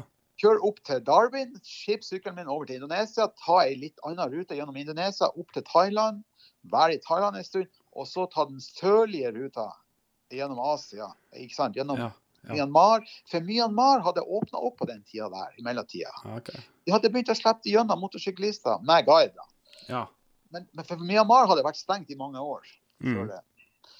Så folk hadde måttet satt sykkelen sin på ja, diverse båt eller hva det nå. Fra India til Thailand eller Malaysia eller hvor de valgte å gjøre det fra. da. Mm. Så det hadde jeg tenkt å, å gjøre. Men så hadde, så hadde det kommet en faktor til inn i bildet. Thailand hadde pinadø innført guide-prinsippet. Nei. Jo, i 2016 innførte Thailand guide-prinsippet for utenlandske motorsyklister. Så det ble jo bare tull. Før så var du så fri. Vi kunne være her nesten vi måtte, Med utenlandsk motorsykkel så måtte vi jo stemple sykkelen inn hver 30. dag da, på nærmeste sånn tollkontor. Ja, ja. Det var jo litt sånn derre Litt sånn Ja. derre Men allikevel, det var verdt det. Du Ja, ja. hadde din egen sykkel i Thailand, du kunne kjøre rundt på den. Bare du var på nærmeste tollkontoret og stempla den inn en gang i måneden. Ja. Så det var jo det var for så vidt greit. Men så plutselig hadde Thailand innført den der guide-regelen igjen. ikke sant? Kostbare guider skulle følge deg rundt. Nei, men faen, det var jo helt uaktuelt. Ja. Jeg hadde jo tenkt å være i Thailand eh, et halvt år eller noe sånt for å kjøre hjem igjen Ja. til Norge. For da hadde, da hadde det gått det der hadde kanskje gått, ja nei, Jeg hadde vel leid ut leilighet ett år til, da. Det er Så for lenge Ja. Mm. Men i hvert fall, jeg var i Alice Springs. Jeg leste de der for, foruroligende nyhetene om at eh, Thailand hadde innført det der eh, guide-prinsippet, og faens oldemor, altså. Jeg var så skuffa. Ja. Så da måtte jeg begynne å gjøre research videre. Hva faen gjør jeg nå? Så da sendte jeg en mail til en sånn eh, ship shipping-agent i, i Australia. Mm. Så sa jeg hva du skal ha for å frakte, eller har du mulighet for å frakte sykkel til Sør-Amerika, til Europa osv. osv. Mm. Ja, så kom han tilbake. Ja, det var ikke noe problem det. Han frakta sykler, han. Om, eh, til Europa hvis jeg ville, og til Sør-Amerika hvis jeg ville. Pick your choice. Ja. Ja, faen. Ja, da må jeg rett og slett pick my choice. OK, Kurt, nå er du på tur. Dette er sannsynligvis eneste gangen du er, er på tur. Skikkelig på tur. Da drar vi til Sør-Amerika, for det er jo et eldorado på motorsykkel. Så kjører vi uh, Ushuaia til Alaska på motorsykkel. Så får jeg til. Ah, herlig. det jeg bestemte meg for der. Jeg måtte, jeg måtte, jeg måtte gjøre en bestemmelse. Ja. Så, eh, nei, det var vel omtrent på den samme tida jeg fikk forlenga med den leieboeren min her i Norge, som leide leiligheten min. Ja. ja. Ja. altså, du leier vel et år eller to til? Ja, det gjorde du. Så da var, det, var den biten greit. Ja, så bare maila jeg tilbake til han skipperagenten. Jeg uh, skippa over til Sør-Amerika. Ja, greit. Kom til, kom til Sydney den 10. august, så skal vi uh, sette på sykkelen. Mm. Sett sy- Klargjøre sykkelen din for shipping. Greit, det er deal. så da var jeg i Alice Springs, og så kjørte jeg tilbake til en kompisen min i nærheten av Melbourne. Var der noen dager. Eh, Bestilte billetter hit og dit. eh, Så bestilte jeg jo service på sykkelen. Fikk gjort det i Sydney. Ja. Og så 10. august så overlatte jeg sykkelen til, eh, til det shippingfirmaet. Og det var jo med båt, da. Mm. Så det tok jo, det var jo, det tok jo sin tid, det, da. Mm. Det skulle, ta, det skulle ta to måneder. Ja, det er såpass. Ja. For det er jo en sånn båt som går inn Det er jo en sånn Ja, containerbåt som går bare stopper innom masse steder. Ja, Ja. masse steder. Så da hadde jeg to måneder til rådighet og tenkte OK, da drar jeg tilbake til Thailand først, og så tar jeg, drar jeg tilbake til Norge. Og så når jeg begynner Altså skulle jeg jo få vite datoen. Mm. Altså ca. to måneder. Eh, så videre. Ja, greit. det. Da var jeg ferdig med Australia. Jeg har jo vært kjørt rundt i Australia i seks måneder sammen, og New Zealand i ti uker. Uh, og jeg hadde to måneder til rådighet. Jeg hadde akkurat vært på New Zealand og kjøpt meg motorsykkel. Jeg til, og jeg fløy tilbake til Thailand først. Og da tenkte jeg faen ta, det hadde vært kult å ha en motorsykkel her også. Så da, da kjøpte jeg meg jaggu meg motorsykkel i Thailand også. Jeg kjøpte en sånn Honda CRF 250L, vet du. Du Ja, har jo hatt rally, ja, så du vet jo hva det er for sykkel. ja. Og de er jo, de er jo laga i Thailand. Syklene er jo skrua sammen i Thailand. Så Ja. det er jo eh, en veldig populær sykkel i Thailand med masse deler, ettermarkedsdeler. Og, Mm. og billige de også. ikke sant? De er Ja. dritbillige siden de er laga der. Ja. Det er ikke noe importskatt eller noe sånt på dem. Så da kjøpte jeg meg en sånn CRF 250 som var gått under 2000 km. Og ja. Den hadde jeg jo Den har jeg jo den dag, den dag i dag. Den, så ja, den står der nede. den står der nede og venter på meg. Ja. Har du en sånn base i Thailand som du på en måte har ting i, noe private ting og sånn, eller åssen er det? Ja, jeg har jo kjæreste i Thailand. Ja. Jeg ja, så Ja, ja. Hun, hun tar vare på tingene mine. Ja, ja, klart det. Ja. Nei, da skjønner jeg. Det er, det er jo lett, da. Det er veldig praktisk. Ja, det er klart Det det. er det. Ja altså, det det går også an å gjøre i Thailand, men det, du må ha sånn, du, du må, det er litt om og men. Du må ha sånn der resident Ja. certificate, bla, bla, bla. Da. Men det, det får du hvis du Mm, har deg tid til det. mm, mm. Så det går an. Så det, det, det går an. Så da var du der en periode, og så var det bare var å komme seg til. Ushuaia? Ja, så var jeg seks uker der i Thailand og kjørte rundt på moppen min. Og så dro jeg til Norge, var her en to-tre uker. Eh, og så fikk jeg en beskjed om antatt ankomstdato i eh, Valparaiso i Chile, utenfor Santiago. Ja. Og så fløy jeg dit. Så var jeg plutselig i Sør-Amerika. Men så viste det seg at det var litt forsinkelser uh, på det her shippinga Men et par uker. Eller jeg husker ikke det, halvannen eller to uker. Og så dro jeg ned til Valparaiso. Jeg var i Santiago ei uke først. og Så dro jeg ned til Valparaiso, og så skulle jeg hente ut sykkelen min. Uh, men så kommer vi til det der problemet som vi ofte møter på i Sør- og Mellom- Mellom-Amerika. Ja. Det er jo noe som heter streik. Og Det er jo et veldig Ja. heftig brukt virkemiddel Ja. der nede. ja. Og da var tolletaten der nede, de var i streik. Så det var, var bare å glemme å hente ut sykkelen der, eh, sånn helt uten videre. Men så var det jo en sånn shippingagent der som folk brukte da, så jeg måtte jo bare snakke med han. Mm. Så sa han dette fiksa jeg. ja. Jeg kjenner disse folkene som jobber i tolletaten veldig godt, for jeg dealer med dem flere ganger i vekka. ja. Det kommer til å koste litt penger. Sånn. Men det var ikke så veldig mye. da. Nei. Det var heldigvis ikke det. Det, det ble vel en par, par tusen norske. da. Men, Ja. men, men da bodde jeg jo hos han i ei uke. For Ja. han drev jo også et sånn der eh, pensjonat eller sånn der. Ja. Ja. Ja. Ja. ja. Det, var ikke mye, da. Men eh, vi brukte noen dager på å få det gjennom. Da. Så eh, ja, da var vi vel kommet sånn i begynnelsen av november 2016, og da var jeg eh, klar til å kjøre litt ta, ta, ta fatt på det søramerikanske kontinentet. Ja. Det er et fantastisk kontinent å kjøre motorsykkel på. Det, det, det, det tror jeg på, altså. Det tror jeg på. Det tror jeg på. Jeg har, jeg har en svoger som bor i Rio, så um, dessverre har jeg bare hatt mulighet og anledning til å dra dit en gang, men, uh, men uh, det absolutt et sted gjerne skulle ha vært. Et kontinent jeg gjerne kunne tenkt meg å ha vært uh, opplevd mer av. Mm. Ja da, og det er jo eh, det, som er, det som er veldig lett med Sør- og Mellom-Amerika, det er jo dette med visum og dette med kané. Kané trenger du ikke der. Nei. Det, bare, det trenger du ikke. Det, det, og du trenger det er ikke noe sånn guide, guide-tull. og det er visum, eh, Som nordmann da får du stort sett 90 dager. Ja. Du trenger ikke visum engang. Du får stempla 90 dager. Ja. Nesten på hvert eneste land. Ja, Bolivia fikk jeg bare 30, da, men det var jo bare å gå på et sånt der immigrasjonskontor og få utvida det. da. Ja, ja. Jeg tror Ecuador fikk jeg 60 dager, men eh, ja. Så, så sånn, ja. ja. Det var vel noen av de mellomamerikanske mellom landene kanskje ikke fikk 90, da fikk 60 Mm, mm. eller 30, men du, du får det for lenge. altså. Så det, Sånn sett er det veldig enkelt. Gren, Grensepasseringer er relativt smert... Ja, de, ikke de i Mellom-Amerika, de er litt grann sånn kompliserte. Men, ja. men stort sett så er grenseovergang greit. Du trenger ikke noe kané, du trenger ikke noe visum. Alt sånn der greier ordnes på grensa. ja. Eh, Så, så sånn sett så er Sør- og Mellom-Amerika fantastisk enkelt. sånn sett. Eh, mange av de landene i Sør- i Sørøst-Asia Asia, der må du ordne visum på forhånd, og det kan være Mm. noe så komplisert. Og, og noen av de landene er jo kaneland, du må ha det jævla kané også. ikke Mm. Og noen land må du også ha guide. ikke sant? Kina må du ha, ja, Myanmar, og Thailand og Vietnam og bla, bla, bla. ja. Så det er mye sånn kompliserte greier der. ja. Thailand kan du kanskje ha det visst, ha det visst seg i ettertid at det går an å snike seg litt unna det, da. men ja, bob, bob, bob. Da er du sånn halvveis ulovlig der. Da.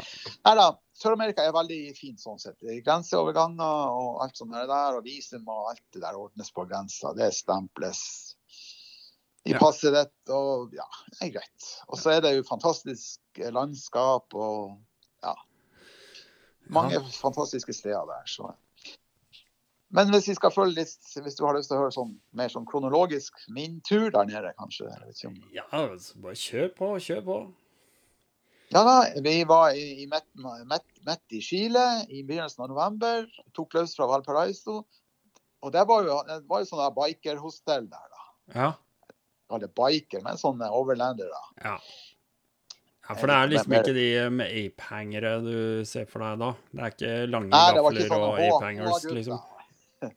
Nei da, det var masse, det var masse folk der. Og, og de, han hadde Det er et ektepar som driver det der eh, hostellet der nede i Valparaiso, og så driver med sånn agentur da for shipping og toll. Mm, Og, og dama er tysk, da. Så de hadde jo, det var mange tyskere der, da. akkurat. Man, Mannen er chilener, da, og dama er tysk. Ja. Eh, så det var mange tyskere der. Så jeg slo jo følge igjen med en tysker, da. Vi tok løs i lag, da. Men, han, men vi, vi holdt ikke sammen så lenge, da. Mm, Eh, For han hadde det travelt. Han hadde seks-sju måneder til rådighet, og da skulle han ned til Ushuaia, og så skulle han opp til Prudhoe Bay, Alaska også, på de seks-sju månedene. siden, Så Ja. han hadde det travelt. ja, ja. Og det hadde ikke jeg. Så vi, men vi hadde det noen dager i lag. Ja, ja. Men uh, du vet, det, som sagt, det her er jo nesten Sør-Amerika er jo motorsykkel-overlanding-himmelen. Så det, Mm. vi traff jo på masse av folk. eh. Jeg kom litt lenger sør i, eh, i eh, Chile, så traff vi på eh, eh, traff vi på andre folk. Jeg traff jo på et amerikansk par som på hver sin sykkel. Jeg traff jo på en tysker, en annen tysker igjen. Og så vi, fant vi ut at vi skulle på Jeg vet ikke om du har hørt om det der forumet som, som heter Horizons Unlimited? Jo da. Jo da. Det er jo et sånn svært forum for, for overlanding. Ja. Eh, hovedsakelig motorsykler, da. Ja. Motorsykkel-overlanding. Ja. Og de har jo sånne treff rundt omkring. Og så viste det seg at det skulle være et treff i Argentina på den tiden, i begynnelsen av desember det året der. Okay. På, på kysten, altså det, det blir på Atlanterhavskysten av Argentina. Så vi måtte, Men vi bestemte oss for å dra på det. Det var jo en, ble en tre-fire dagers tur på oss da. Kryssa over fra Chile, og så gjennom Argentina, og så ned til det stedet der. da. Så vi dro sammen med det her amerikanerne. Forresten, kona hans ble igjen. da. Men det, det var en amerikaner og en tysker. Og vi dro på det treffet der. eh, Vi var ikke så mange til slutt, vi var vel en ti-tolv stykker som kom. Men jeg traff jo andre overlandere der. og eh, en, en, er noen og en tysk finlender, en som har gjort store ting på, på, på overlandingsfronten bl.a. Og i det hele tatt traff mange hyggelige folk. Uh, vi, også når vi har vært der, så kjørte vi tilbake til utgangspunktet. Vi var i Puerto Mont, eller Puerto Varas, litt sør i, eh, i Chile. Men så splitta vi nå opp igjen. Jeg, og så dro jeg jo i gang på den der eh, veldig kjente Carretera Austral-veien. Mm. Det er jo en sånn villmarksvei eh, som ble bygd Den ble faktisk bygd av han der diktatoren i Chile, eller var han som igangsatte det, da. Altså som slags uh, tvangsarbeid. Ok, ja. Eh, Han, der, uff, han som var på 70-tallet, han der diktatoren i Chile, jeg husker ikke hva Pinochet. Pinochet, ja, jeg skulle akkurat si Det det. var han som igangsatte bygginga av den veien der. Eh, Det, det er en sånn villmarksvei gjennom chilensk Patagonia. Det er 1246 km Ja. som svinger innom eh, sånne avsidesliggende steder og byene gjennom der. Og halvparten av den veien er fremdeles grusvei. Ja. Eh, Så du er skikkelig, du er skikkelig i ødemarka i chilensk Patagonia. Men det, det er jo en sånn skikkelig overlander-vei å kjøre. da. Så jeg kjørte ned den, og helt ned til en av den. Og eh, hva faen heter det der? Ja, jeg husker nå ikke det. Men ja, vi, og da begynte vi å nærme oss jul. Og det var jævlig dårlig vær, så jeg ble stoppa av regn og dårlig vær noen dager.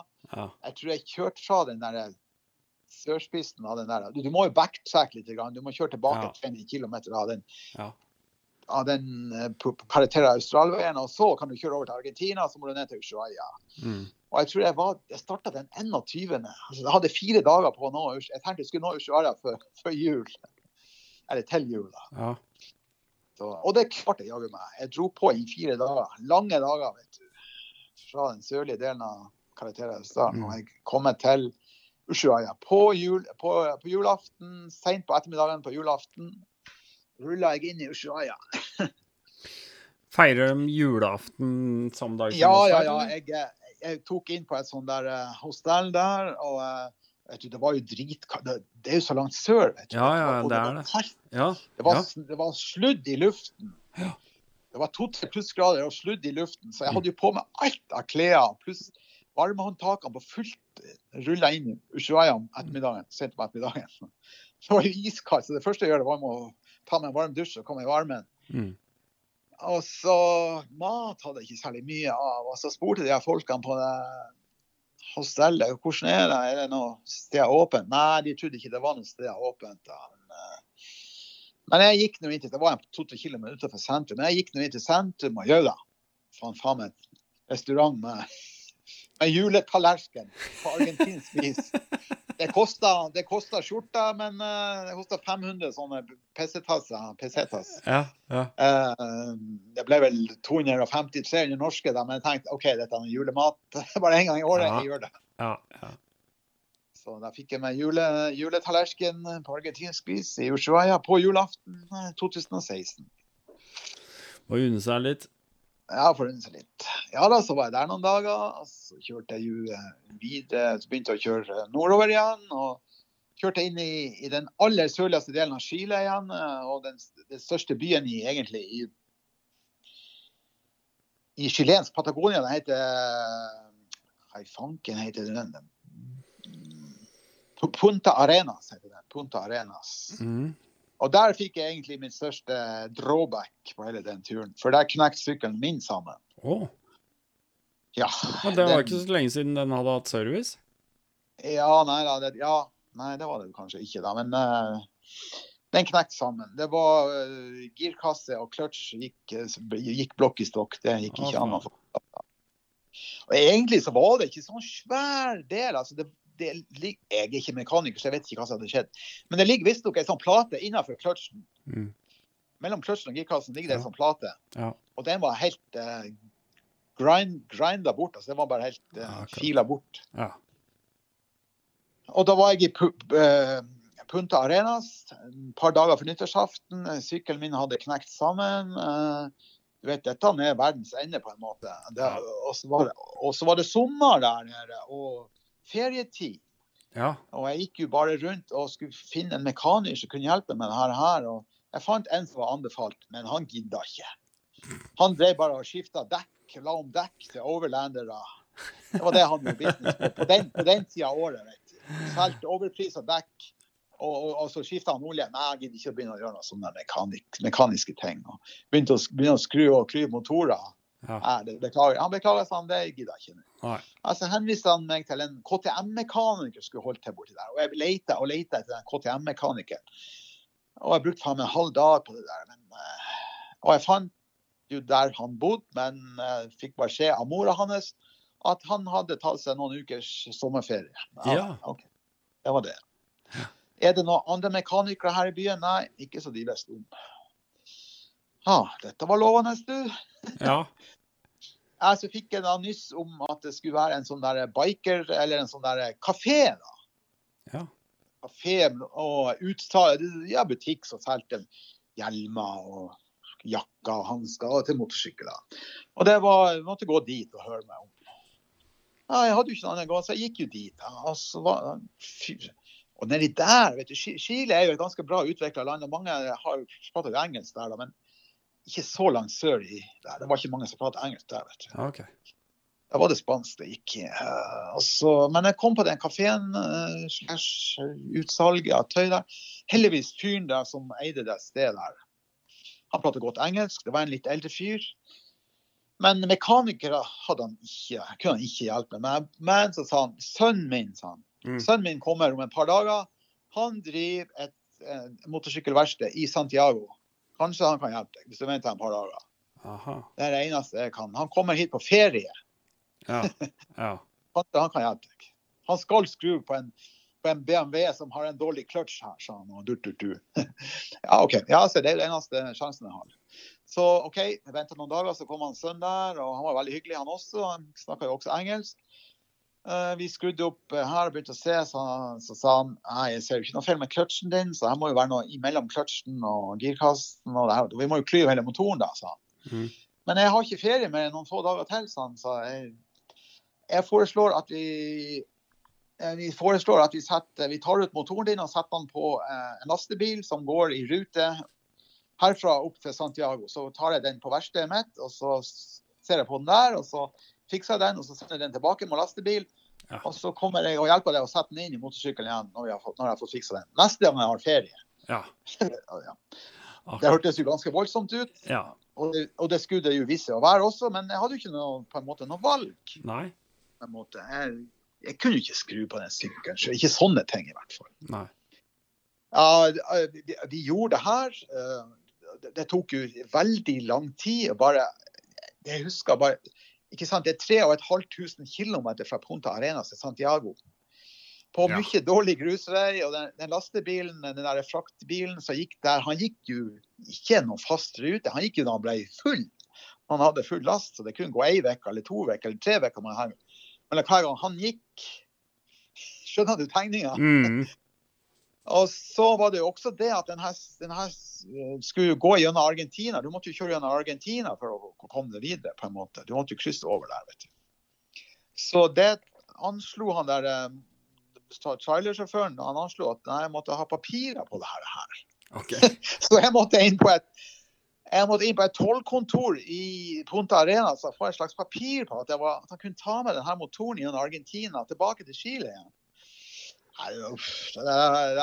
Det, ble et mareritt til slutt. Det ble et jævla langt mareritt til slutt. Det tok vinter og votter, og jeg begynte å bli skikkelig fortvila.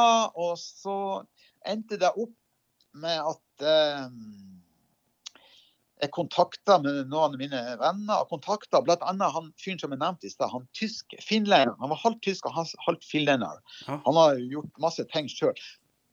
Han hadde bosatt seg i Bolivia. Han hadde en flåte av motorsykler. Han skulle begynne å leie ut og drive litt business på. Ja. Så jeg tok kontakt med han som bodde i Bolivia, han tysk-finlenderen der. Og så sa jeg hei, Mikka, kan du hjelpe meg? Jeg blir faststående her i Punta Arenas i lang tid framover. Har du en motorsykkel til meg, eller et eller annet forslag til meg? Ja, ja, ja, ja, sa han. Kom hit, Kurt. Jeg har masse motorsykler. Du kan få låne en. Eh, Du må jo betale litt for det, sa han. Men Ja, ja. det skal vi ordne. Kom hit, så skal du få en sykkel. og ja, som sagt så gjort. Men, men han sa stopp i Santiago og så ta med deg noen deler til meg. Jeg trenger noe oljefilter og sånne ting. Luftfilter og noen plugger og sånn. Mm. Ja, det skal jeg gjøre. Så jeg fløy jo fra Punta Arenas til Santiago, stoppa der en par dager og kjøpt, kjøpt noen deler. opp til Bolivia, for Bolivia er det ikke så mye deler å oppdrive. Så da fløy jeg fra Punta Arenas til Santiago, og så fløy jeg videre fra Santiago til denne byen eh, i Bolivia, i nærheten av der han bodde. Og så, så, eh, så kom jeg dit, og så fikk jeg da en, eh, låne en sykkel av han. Det var, det var også en Suzuki DR650, samme sykkelen som jeg hadde i, på New Zealand. Så jeg kjente jo modellen. Mm. Så da gjorde jeg meg en, en rundtur på seks uker i Bolivia. Så fløy jeg tilbake eh, via Santiago til Punta Arenas. Og så venta jeg noen dager, så kom motoren min tilbake. Og så kom den fyren tilbake igjen, og så satte vi den inn igjen i sykkelen. Og så funka det ikke. Nei. Det var gått nesten tre måneder, det funka ikke. Den, eh, den, da var det plutselig den dekomp-mekanismen ødelagt. Ja. Eh, Den lekte olje som en sil. Ja, ja, ja, men så sa de folkene meg ja, ja, nei, men bare kjør opp til Santiago, så skal vi fikse den der. Nei, men jeg kan ikke kjøre denne sykkelen gjennom Patagonia Nei. eh, med en sykkel som lekker olje, og som mekanismen er ødelagt på. Ja, men ta med deg et ekstra batteri hvis du sliter ut ene batteriet. Nei, nei, nei, så det blir ikke aktuelt. Dette er for usikkert. Ja. Vi må, vi må få sykkelen opp til Santiago så fikse den på nytt igjen. Ja, da må vi sette den på den samme lastebilen igjen, da. Fy faen. Hele sykkelen. Så det var det jeg måtte gjøre. Ah, Jeg må sette hele sykkelen på lastebilen igjen. Ja. Og det, vi skal ikke ta hele den historien. Nei, jeg men, tror vi må gå videre, for det at kan vi, holde, vi kan holde på en stund. Ja, vi kan holde på det. Du, jeg må forresten på do. Eh, Hvordan Ja. gjør vi det? Nei, det er bare å gå på do, det. Så får jeg eh, prate litt med, deg, Ja, du får gjøre det. Jeg Ja. kommer tilbake om Ja, ja, ja. Nei, dere. Det her er jo da eh, Kurt Gjøran. Utrolig, utrolig festlig. Ehm, jeg skulle da selge en eh, CRF Rally 250 her i fjor. Og den var jo da Overland-rigga, så det holdt. Og han hadde da nyss, eh, fått nyss om denne, og så hadde jeg veldig lyst til å se på den. Men den var rett og slett eh, overdrevet rigga for hans bruk. Men eh, som jeg innledningsvis sa, det var jo at eh, det spilte ingen rolle om han ikke kjøpte den. altså, skulle ønske han kjøpte den, men det blei Jeg skjønte at det begynte å bli en god historie. Og, og det var da jeg sa til henne at vet du hva, jeg har så lyst til å stå her og prate med deg, men jeg foreslår at når jeg er i gang med poden min, podkasten, da snakkes vi. Og så får vi historien da. Og nå har det vel gått ja, snart to og en halv time. Så mm, det er klart, eh, det er ikke lett å putte fem år, eh, fem år eh, på to hjul inn i bare noen timer. Så dere får eventuelt bare bryte ut Bryte opp podkasten litt i mellomtida. Ja, OK, jeg er tilbake, da. Ja, ja. Ja, Ja, nei, det der ble den største nedturen jeg hadde på den, eh, hele den turen. Eh, Jeg kom jo da, Dette var jo Ja, den knekte jo sammen et par dager før nyttårsaften i 2016. Mm. Uh, så i februar og begynnelsen av mars var jo jeg i Bolivia på den turen på den der med den andre sykkelen. Så kom jeg tilbake der i mm, slutten av mars, og da fikk satt vi inn den der motoren, og funka det ikke. Satt hele sykkelen tilbake på en lastebil tilbake til Santiago. Jeg tok jo sånn, jeg husker jeg tok ei ferge som gikk gjennom hele Patagonia, sånn fire dagers tur gjennom bare for å gjøre noe. ikke sant? Så det var en jævla fantastisk fin tur gjennom, gjennom fjordlandskapet i Patagonia. Og jeg kom jo opp til Santiago begynnelsen av april, og vi bestilte deler på det, loka på det største Yamaha-verkstedet i Santiago. De kom aldri. Nei. Um, så jeg bestilte noen deler privat. sånn, eh, Så fikk de sendt med DHL, og vi latt lot dem gå til eh, Vi sa- satte opp adressen til han mekanikeren eh, for at det ikke skulle bli noe feil. eh, ikke sant? Jeg hadde jo Mm. ikke noen offisiell adresse i Santiago. ja. Så det skulle DHLs delene jeg trengte til han der eh, mekanikeren i, i, eh, i Santiago. Men selv de delene, de kom fram, og de ble sendt tilbake. De var og skulle levere ut de delene. De gikk til feil, eh, feil oppgang. Og så sa de bare nei, nei, nei, vi har ikke noen som heter deg her. Og, de, og de hadde gjort feil, det der firmaet bestilte deler av. Ja. De hadde skrevet mitt navn på. seg. må, dere må ikke skrive mitt navn, dere må skrive navnet på mekanikeren. Ja. Og da for det en jævla DHL-bud og leita i en oppgang der med, etter mitt navn. ikke sant? Der så han der eh, mekanikeren bodde. Det ble feil.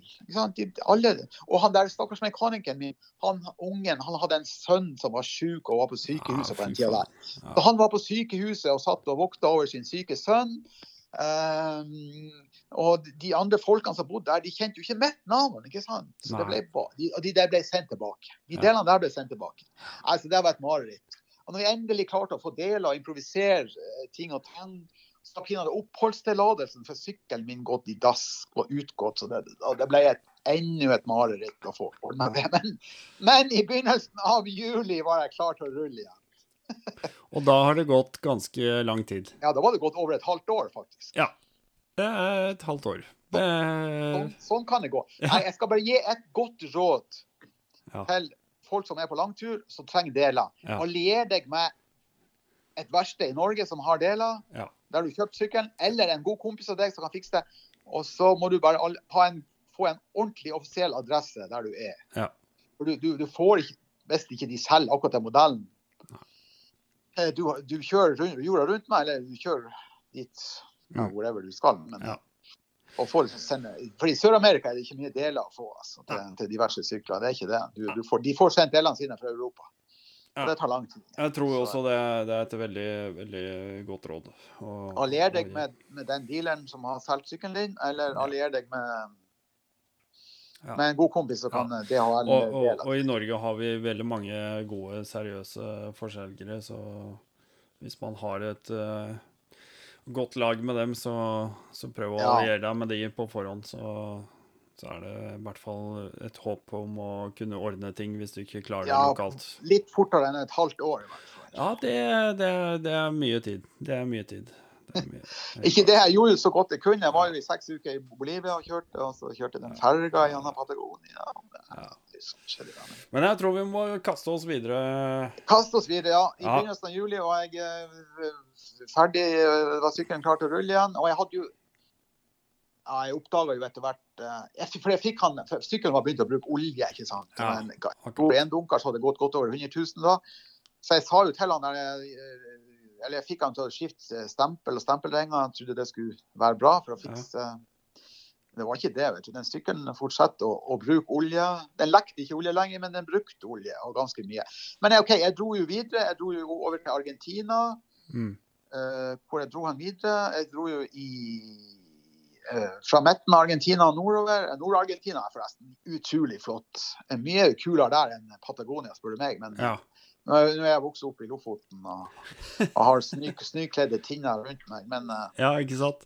som, som i Patagonia. Så det var sånn. Ja. Ja, jeg dro nord i Argentina, jeg dro inn i Bolivia igjen på en egen sykkel. det måtte jeg jo selvfølgelig. Og så dro jeg inn i Brasil. Uh, og der fikk jeg forresten en veldig god kompis igjen, men uh, nok om det. Og uh, da, da hadde det jo vært eh, lenge på tur, eh, nesten et år. Mm. Og det, da tenkte jeg da er det, Og jeg hadde det der jævla kjedelige oppholdet, så da tok jeg en pause igjen. Ja. Jeg fløy tilbake til Norge, og så fløy jeg tilbake til Thailand. Har du kjæreste der, vet du. Har du kjæreste der, og Mm. har jo sykkel der også. Mm. Så fra slutten av september Eller vet du hva, jeg parkerte sykkelen den Tenereen den parkerte jeg i Uruguay. Uruguay er et veldig lett land å parkere i. Okay. For det gir deg tolv måneder oppholdstillatelse på sykkel. Ah. Ah. Og de fleste andre landene som sagt er 90 dager der. Så Ja. jeg tenkte hvis det blir borte lenge, så står den godt og trygt der. Og det fant et sted å sette den der, så den sto i Uruguay. Jeg fløy, jeg fløy ut i uh, slutten av september, jeg fløy tilbake til Norge. Og så var jeg der en stund, og til Thailand, tilbake til Norge. Jeg Hadde jul og nyttår her igjen. Og så fløy jeg tilbake til uh, Uruguay og plukka opp sykkelen. Jeg, forresten, jeg, dro, jeg, dro, ja, jeg, landet, jeg var i Uruguay, men så tok jeg den båten over fjorden der. Og så var jeg i eh, Buenos Aires, selvfølgelig. Der var jeg uten motorsykkel i seks dager. Okay. tenkte det var ikke noe poeng å dra med sykkelen dit. Så hadde jeg seks hyggelige dager i Buenos Aires, tilbake til Uruguay, tok opp, plukket opp sykkelen. Hadde en liten rundtur i Uruguay. Det er jo ikke eh, verdens største land, det er et bitte lite land, egentlig. Ja, Um, og egentlig det dyreste landet i hele Sør-Amerika er det også. er det? Ja, det er det faktisk. Men det er fint, eh, hyggelig land. Er fine, fine kystlinjer der med mange fine strender. Ja, så hadde jeg en to-tre ukers rundtur i Uruguay, så dro jeg tilbake til Brasil. Og der hadde vi fått en god kompis fra forrige gang jeg var der, og han kjørte jo akkurat like, samme sykkel som meg. Ja. Og nå var denne her sykkelen min den var begynt å bruke jævlig mye olje. Det var, gikk liksom nesten en boks olje på 1000 km. ja. Til tross for at jeg hadde fått nytt stempel og ringer. Ja. Og så var det en god ting med Brasil. De skrua jo også sammen, eller gjorde på den tida, den Tenereen. Den ble også montert, assembled, Ja. engelsk, i Brasil. ja. Og han der kompisen som hadde fått i Brasil, som hadde kjørt det samme sykkelen min, han kjente en Yamaha-mekaniker som sa seg villig til å gå over sykkelen min igjen og fikse den. Så jeg stoppa der i et, en by som heter Curitiba, Curitiba i Sør-Brasil, og ble der en stund. Og så fikk jeg gjort fullstendig oppbygging av motoren. En ny sylinder, og ny stempel og ringer og full gjennomgang av den sykkelen. For det, det som også hadde skjedd med den sykkelen, som jeg ikke egentlig forsto, så skjedde et eller, annet, et eller annet sted i Thailand, Malaysia. Det var jo at den sykkelen gikk fra å bruke 0,35-0,40 på mila til plutselig å bruke 0,5 på ja. mila. 0,55. Du må kjøre den veldig forsiktig for å bruke 0,5 på mila. Ja. Og det gjorde den etter det. Ja. Så jeg tenkte det, det, er, det må være det, et eller annet feil med den sykkelen. ikke sant?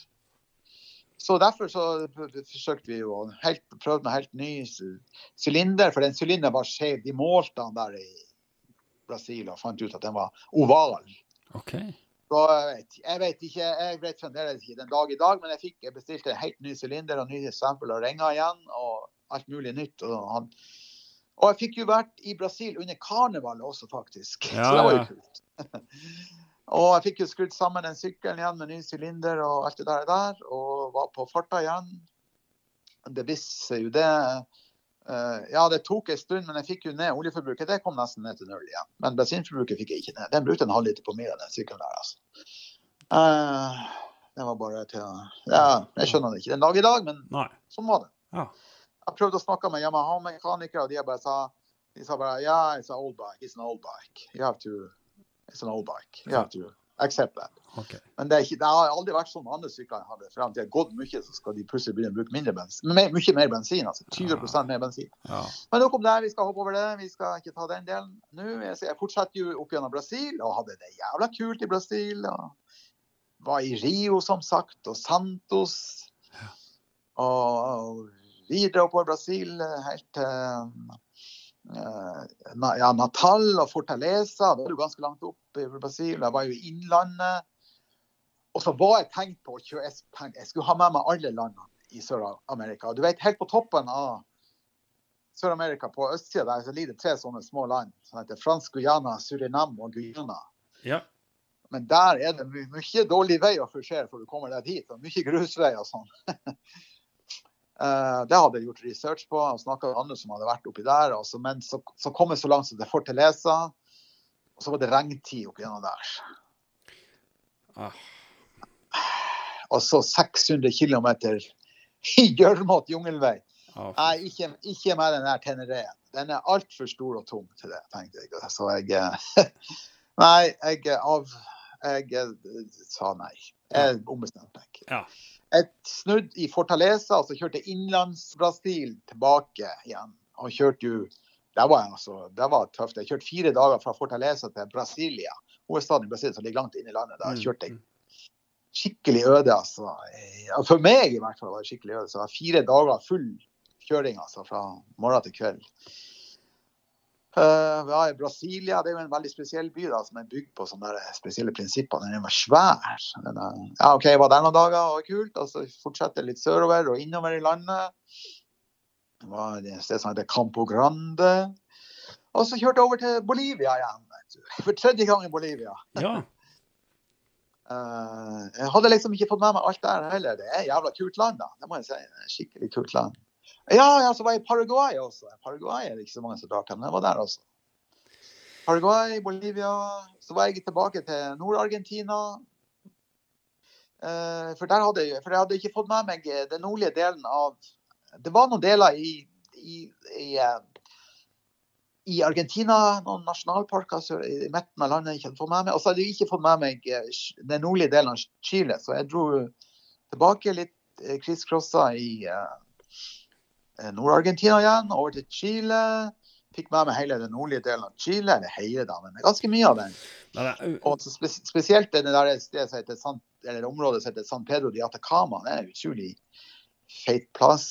Ja. Eh, jeg en god stund. Jeg tror vi må bare Eh, hoppe, hoppe nå sånn Istedenfor å hoppe fra land til land nå, så må vi bare komme videre. OK. Hva, hva, hva skjer du er fer Hvis vi sier at du nå, nå har du gjort fra deg eh, på en måte Sør-Amerika Ja, jeg, jeg var i Peru, og der var det, jeg må få lov å si det, Peru var det kuleste landet å kjøre motorsykkel i. Det er ingenting Ja. som slår det. Det er Andesfjellene opp og ned, fram og tilbake. Mm. 4500 meter, 4800 meter, ned til 2000 meter, opp til 4000 igjen, ned til 3000, opp til 4000 igjen. Ja, det var helt kult. Det var rått. ja.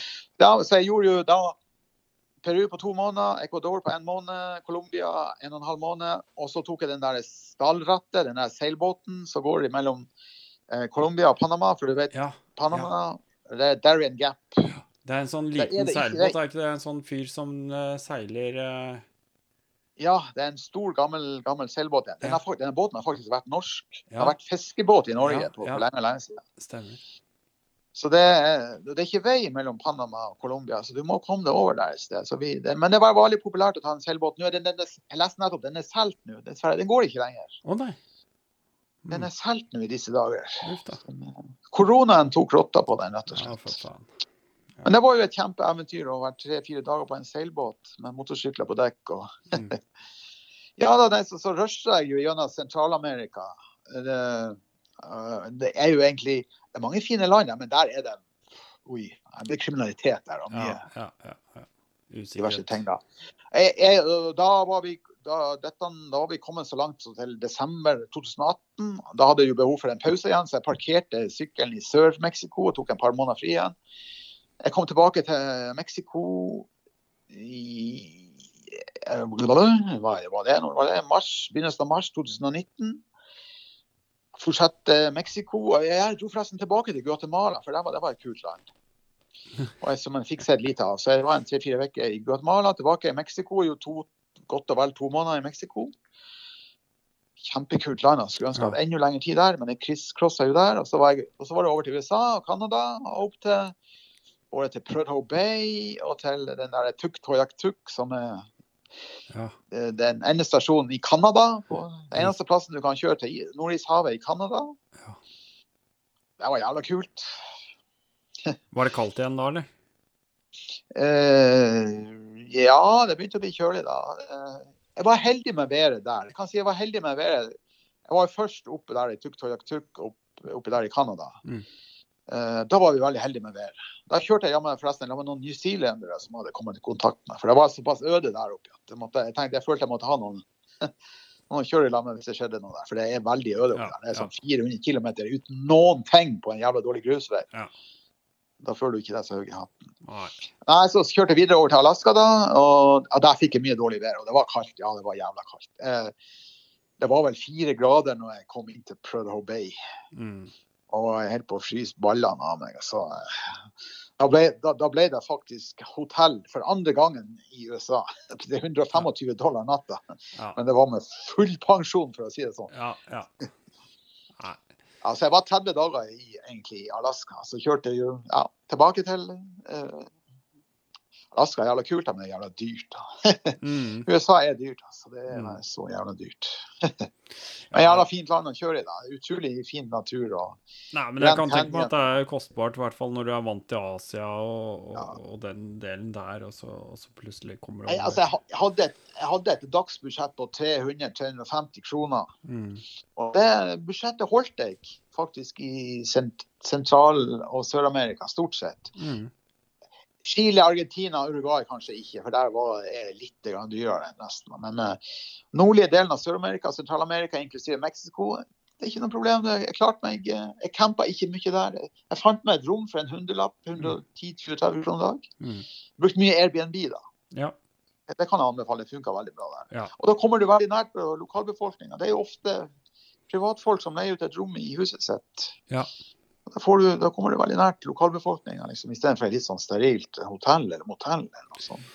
Ja, og det, det er jo kanskje noe av opplevelsen av at du faktisk kan snakke med lokale folk og, og liksom Ja, altså. eh, få de inntrykkene direkte, istedenfor at du bare sitter og ser ut av et hotellvindu og, og kikker ned i en Ja. gate på folk som bare går forbi. Det Ja. er forståelig, det. Ja, det, det, det var veldig fint. Uh, nei, vi campa jo litt her og der, da. Jeg, Mm. campa eh, eh, Altså, Australia og New Zealand campa jo masse, for der har jeg jo ikke råd til å leie meg noe bolig. Nei. rom. Og veldig mye ja, litt, En del i, den i sør, sør, sørlige delen av Sør-Amerika, for der var det også litt for dyrt egentlig for meg til å leie rom. Mm. Da ble det i hvert fall et sånt eh, dor, dorm, et sånt flersengsrom, da. Ja, ja. ja. Hostell, da. Det, det er ikke akkurat Nei. det er ikke akkurat noe for en gammel gubbe som meg. Nei. Nei, det er... Men, eh, Sånn er det. men videre oppover der så gikk det, fant jeg rom for en hundrelapp eller 110 kroner dag. Stort sett. Det gikk greit. Mm. Men selvfølgelig når du kommer til USA, da var det fra med teltet igjen. Da, da begynner jeg å campe. Det er jo for så vidt- men det er for kult, det også. Ja da. Jeg ble det veldig tilhenger av camp. Ja. Ja, man blir jo vant til det, og, og etter hvert så, så finner man det som normalen også, da, da er det jo helt Ja. greit, da. Det det. Det går, det. Nei da, jeg ble den, den campen på Jeg var, jeg var skeptisk til å campe og sånt til å begynne med. Mm. Jeg har ikke campa så mye i mitt liv, men Nei, ikke sant? eh, det ble, det ble veldig fint, det. Campa masse i USA og Canada. Ja. Det var litt kaldt oppi der, da, men jeg det fikk nå vågsøk. Ja. Og litt mye bjørn, da. ja. Kjørte du rundt med sånn bjørnespray og greier, eller? Nei, jeg hadde ikke det. Jeg burde, jeg burde ha hatt det, men eh, Ja. Nei, det syns jeg eh, Det virker som at det er sånn standardutrustning for folk som bor i områdene der. ja, ja da, jeg burde nok ha hatt det. Men det ble aldri til at jeg fikk kjøpt det. Jeg fant ikke noe sted å kjøpe det heller, men eh, Nei men når, det- når jeg var på sånn offisielle camping, så lagrer du maten din i, i sånne der bokser som de har Ja. laga til for å, lage mat, for å lagre maten. Ja. Ja. Og ellers så lager jeg maten i, i, eh, i koffertene på sykkelen. Og så setter med et godt stykke fra teltet. sånn at det, det var jo det jeg gjorde. ja Det ikke skulle noe. Skulle ikke ha mat i teltet i hvert fall. Da, Nei, at jeg ikke det- fikk besøk der inne. Nei, det At, at det kom en bjørn og klødd på, på koffertene, det var greit. Men uh, ikke på teltet. Nei, det er ikke noe særlig. Men uh... Nei, det, så jeg avslutta da jeg kom tilbake til jeg var i midten av september. Da var jeg tilbake i, i eh, Canada. Så fikk jeg, da sendte jeg sykkelen hjem eh, Air Canada til Frankfurt i Tyskland. OK. Så da plukka jeg opp sykkelen der, og så kjørte jeg den til, til Kiel. Og så tok jeg den ferga over til Oslo. Og dermed var turen gjort. Jeg har vært borte i år fem år, faktisk. Ja, det er helt 20. rått. 20. juli til eh, 20. juli 2014 til eh, 15. september 2019. Da. Jeg hadde jo hatt noen pauser underveis. da, Noen frivillige, noen ufrivillige. Da. Men, Jo da, men, eh, men allikevel. så da, da hadde jeg vel gjort det sammen Hadde jeg vel gjort godt og vel 200 000 på den Tenereen. Så hadde jeg vel Gjorde jeg vel 12 000 på den der eh, New Zealand-sykkelen og 5000-6000 på den der DR, DR 650 jeg hadde i Bolivia. Og så hadde jeg vel gjort en 20 000-30 000 på den der CRF-en jeg hadde i Thailand i, i ferien, feriene mine, kan du si. Nei, det er helt sinnssykt. Men, men så eh, var jeg jo i Thailand i, i fjor vinter også. Da bestemte jeg meg ikke. Jeg skulle ikke ha så brå overgang. Komme tilbake, til Norge på høsten og være her i vinteren. Så jeg bestemte meg for å være i Thailand i fjor vinter. ja. Og jeg hadde jo motorsykkel der, så det var jo bra. Så jeg tok, jeg fortalte jo om det. Men jeg tok jo en eh, tre og en halv ukers tur til, til Laos på den CRF-en. og gjorde Det var jo jævla tøft. altså. Det var rett før koronaen slo til i fjor. Det er fine sykler, det. Ja, ja, kjempesykkel for, å kjøre, for å kjøre Laos. Men det var absolutt Det er det. Det er eh, Jeg syns nå det er litt undervurdert. Men det kommer litt an på hva man er ute etter, da. Men, eh, men, eh, Ja, det det men man kommer seg rundt, og, og hvis man bare skal rundt, så, så er det absolutt noe å tenke på. Mm. Men jeg tenker at kanskje vi skal runde av snart. Nå, er, eh, nå nærmer vi oss eh, tre timer snart.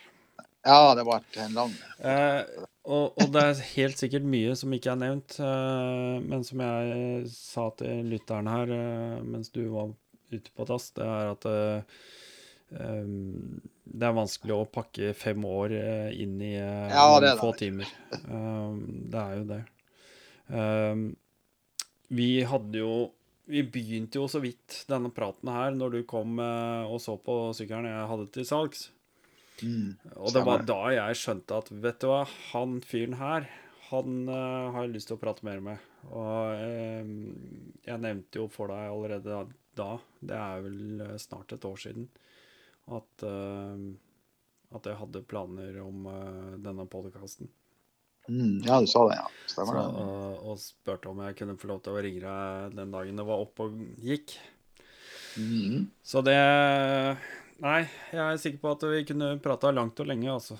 Um, Ja ja, det kunne vi. Ja. Men eh, kan jeg spørre, hva er det vi Har du noen planer framover nå, eller har du liksom kjørt fra deg nå? Og Nei, liksom det- bare det- kommer til å reise litt fram og tilbake til Thailand og ha sykkelen din der og Nei, det er jo det at man blir jo bitt av en sånn basille nå. Ja, du gjør det? Jeg har lyst til å jeg har lyst til å reise mer. Jeg var jo ikke innom Afrika. Jeg sier at jeg har kjørt jorda rundt på motorsykkel, men det er jo ikke riktig. Jeg, var, jeg har ikke vært i Asia. Jeg er i Afrika, men jeg har ikke vært i Asia.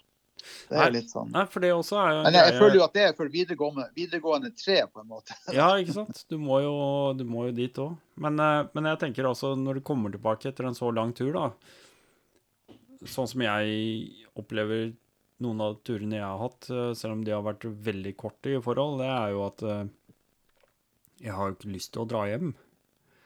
Jeg begynner å nærme meg hjemme, fordi at jeg veit det er enden på, på Altså det er slutten på visa, på en måte, men så har jeg nesten lyst til å bare kjøre rett forbi og fortsette å kjøre videre. Og, og, det, og det som ofte ikke er eh, Det som man ofte ikke får på en sånn tur, det er jo den landinga. Altså den landinga når man begynner å snakke med venner og kjente hjemme som egentlig ikke skjønner hva du prater om. Nei, de, de, har ikke, de klarer ikke å skjønne hva du har gjort. Nei, de- altså det er det, Og den følelsen, den er Da føler man seg veldig aleine. Ja, det blir litt sånn. Sant, det. Man er liksom helt aleine. og så har det skjedd veldig masse det har skjedd veldig masse her hjemme du ikke har fått med deg. Så du er liksom litt fremmed her, altså. Mm. Hva faen er det her for noe, liksom? Jo, nei, det er jo Altså, alle de her eh, elektriske sparkesyklene som er kommet her, hva faen er det for noe? Jeg skjønte ikke bæret av det der.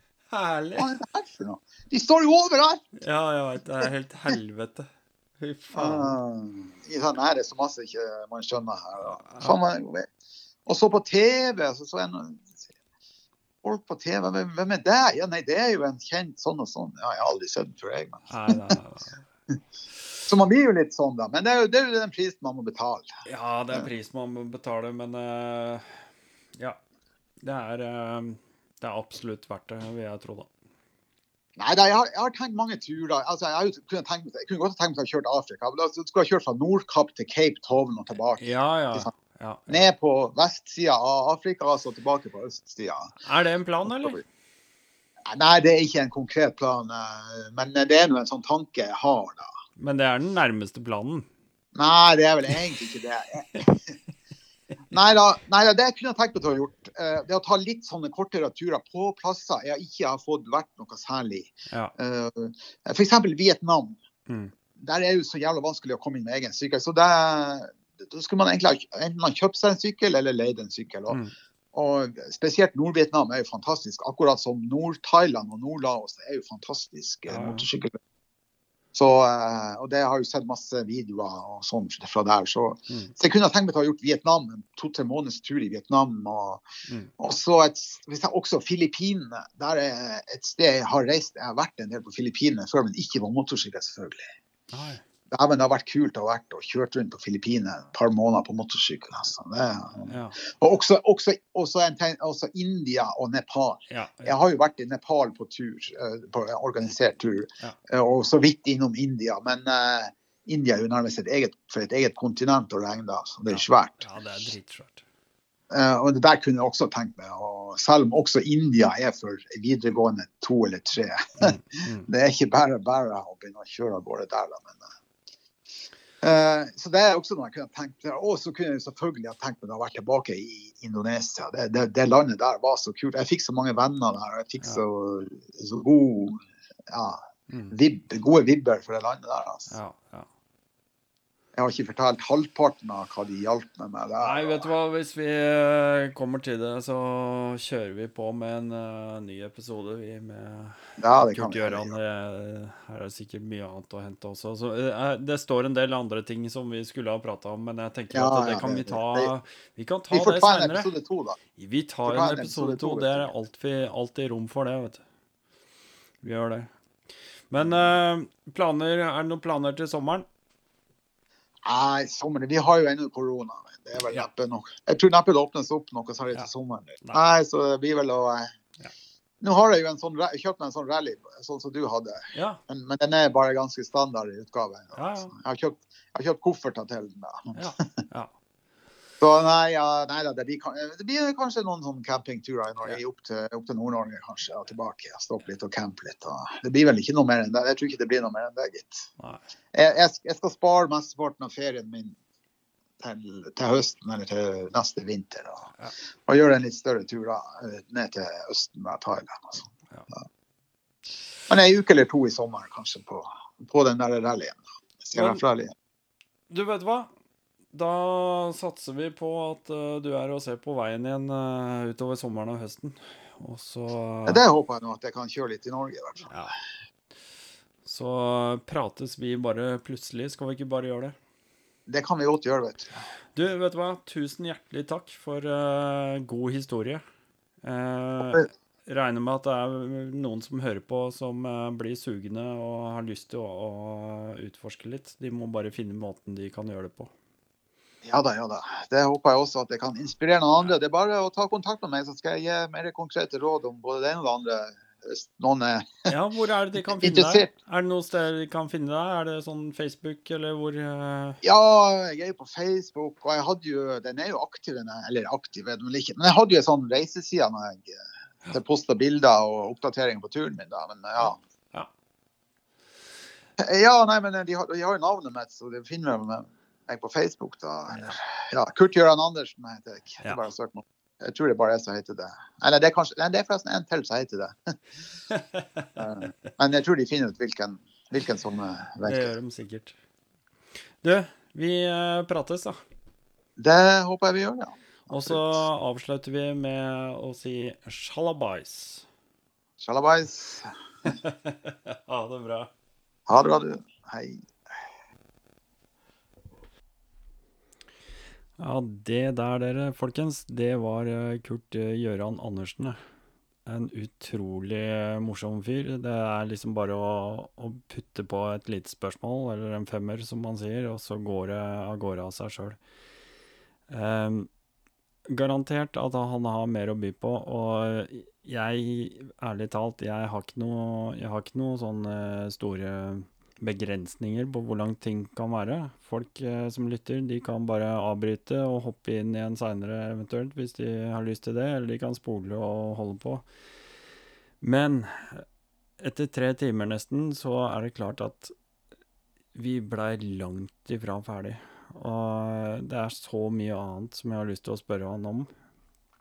Det er så mye annet eh, rundt dette her som vi må snakke om, og heldigvis så har han veldig lyst til å komme tilbake til podkasten seinere. Så denne tråden, den skal vi ikke slippe.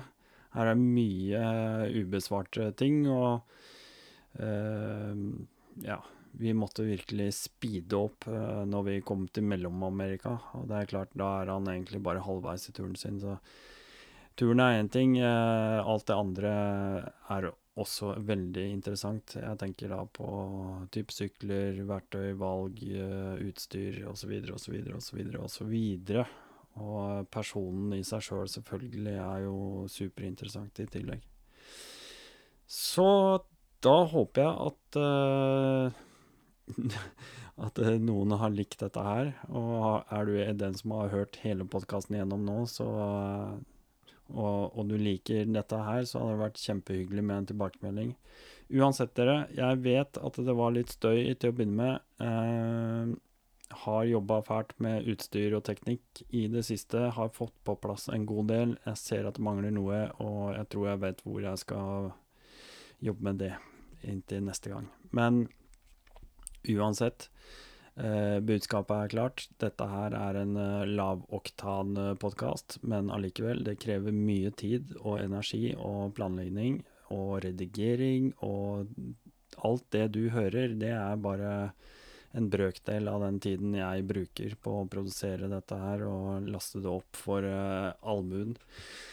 Um, når det er sagt, så jeg håper at dere liker det. Uh, og hvis du er en av de som syns at dette her er, uh, dette her er gøy Jeg uh, liker å høre på Rall Nord-podkast, og jeg syns han kanskje er verdt et uh, beger eller to i måneden, så er det absolutt mulig å bidra litt med det. det er bare å gå inn på min Patron-account. Den skal jeg legge en link til i shownotes. Uh, og gjerne støtte meg lite grann. Eh, det er eh, en eh, ren biinntekt sånn sett, men det er ikke pengene som jeg er så jævlig opptatt av. Dette skal jeg ikke leve av. Det er egentlig bare for å dekke drift og kostnad og utstyr og en del sånne ting. Kanskje jeg må reise litt, kanskje jeg må kjøre hit og dit for å snakke med folk. Sånn type ting. Hvis det er noen som kan støtte meg med noen dollar i måneden, som er da den gangbare valutaen i Patron, så, så, er det penger jeg kan putte rett på bensintanken bare for å dra rundt og lage en ny podkast. Eller ringe noen, eller kanskje whatever. Whatever. Vær så snill, hvis du syns det er eh, verdt det, bruk gjerne en krone på det. Eller du kan drite i det også. Selvfølgelig. Denne podkasten er for alle. Um, mailen min, det er rally.nord at gmail.com. Uh, eh, skriv inn. Uh, merk gjerne uh, mailen med podkast og et komma og hva det gjelder. Så skal jeg svare så fort jeg kan. Har du noe annet på hjertet, så skriv også gjerne om det. Inntil neste gang. Uh, det kommer mer. Det har tatt litt tid i det siste fordi det har vært en del utfordringer rundt uh, tekniske ting og tang og tang. Men sånn er det.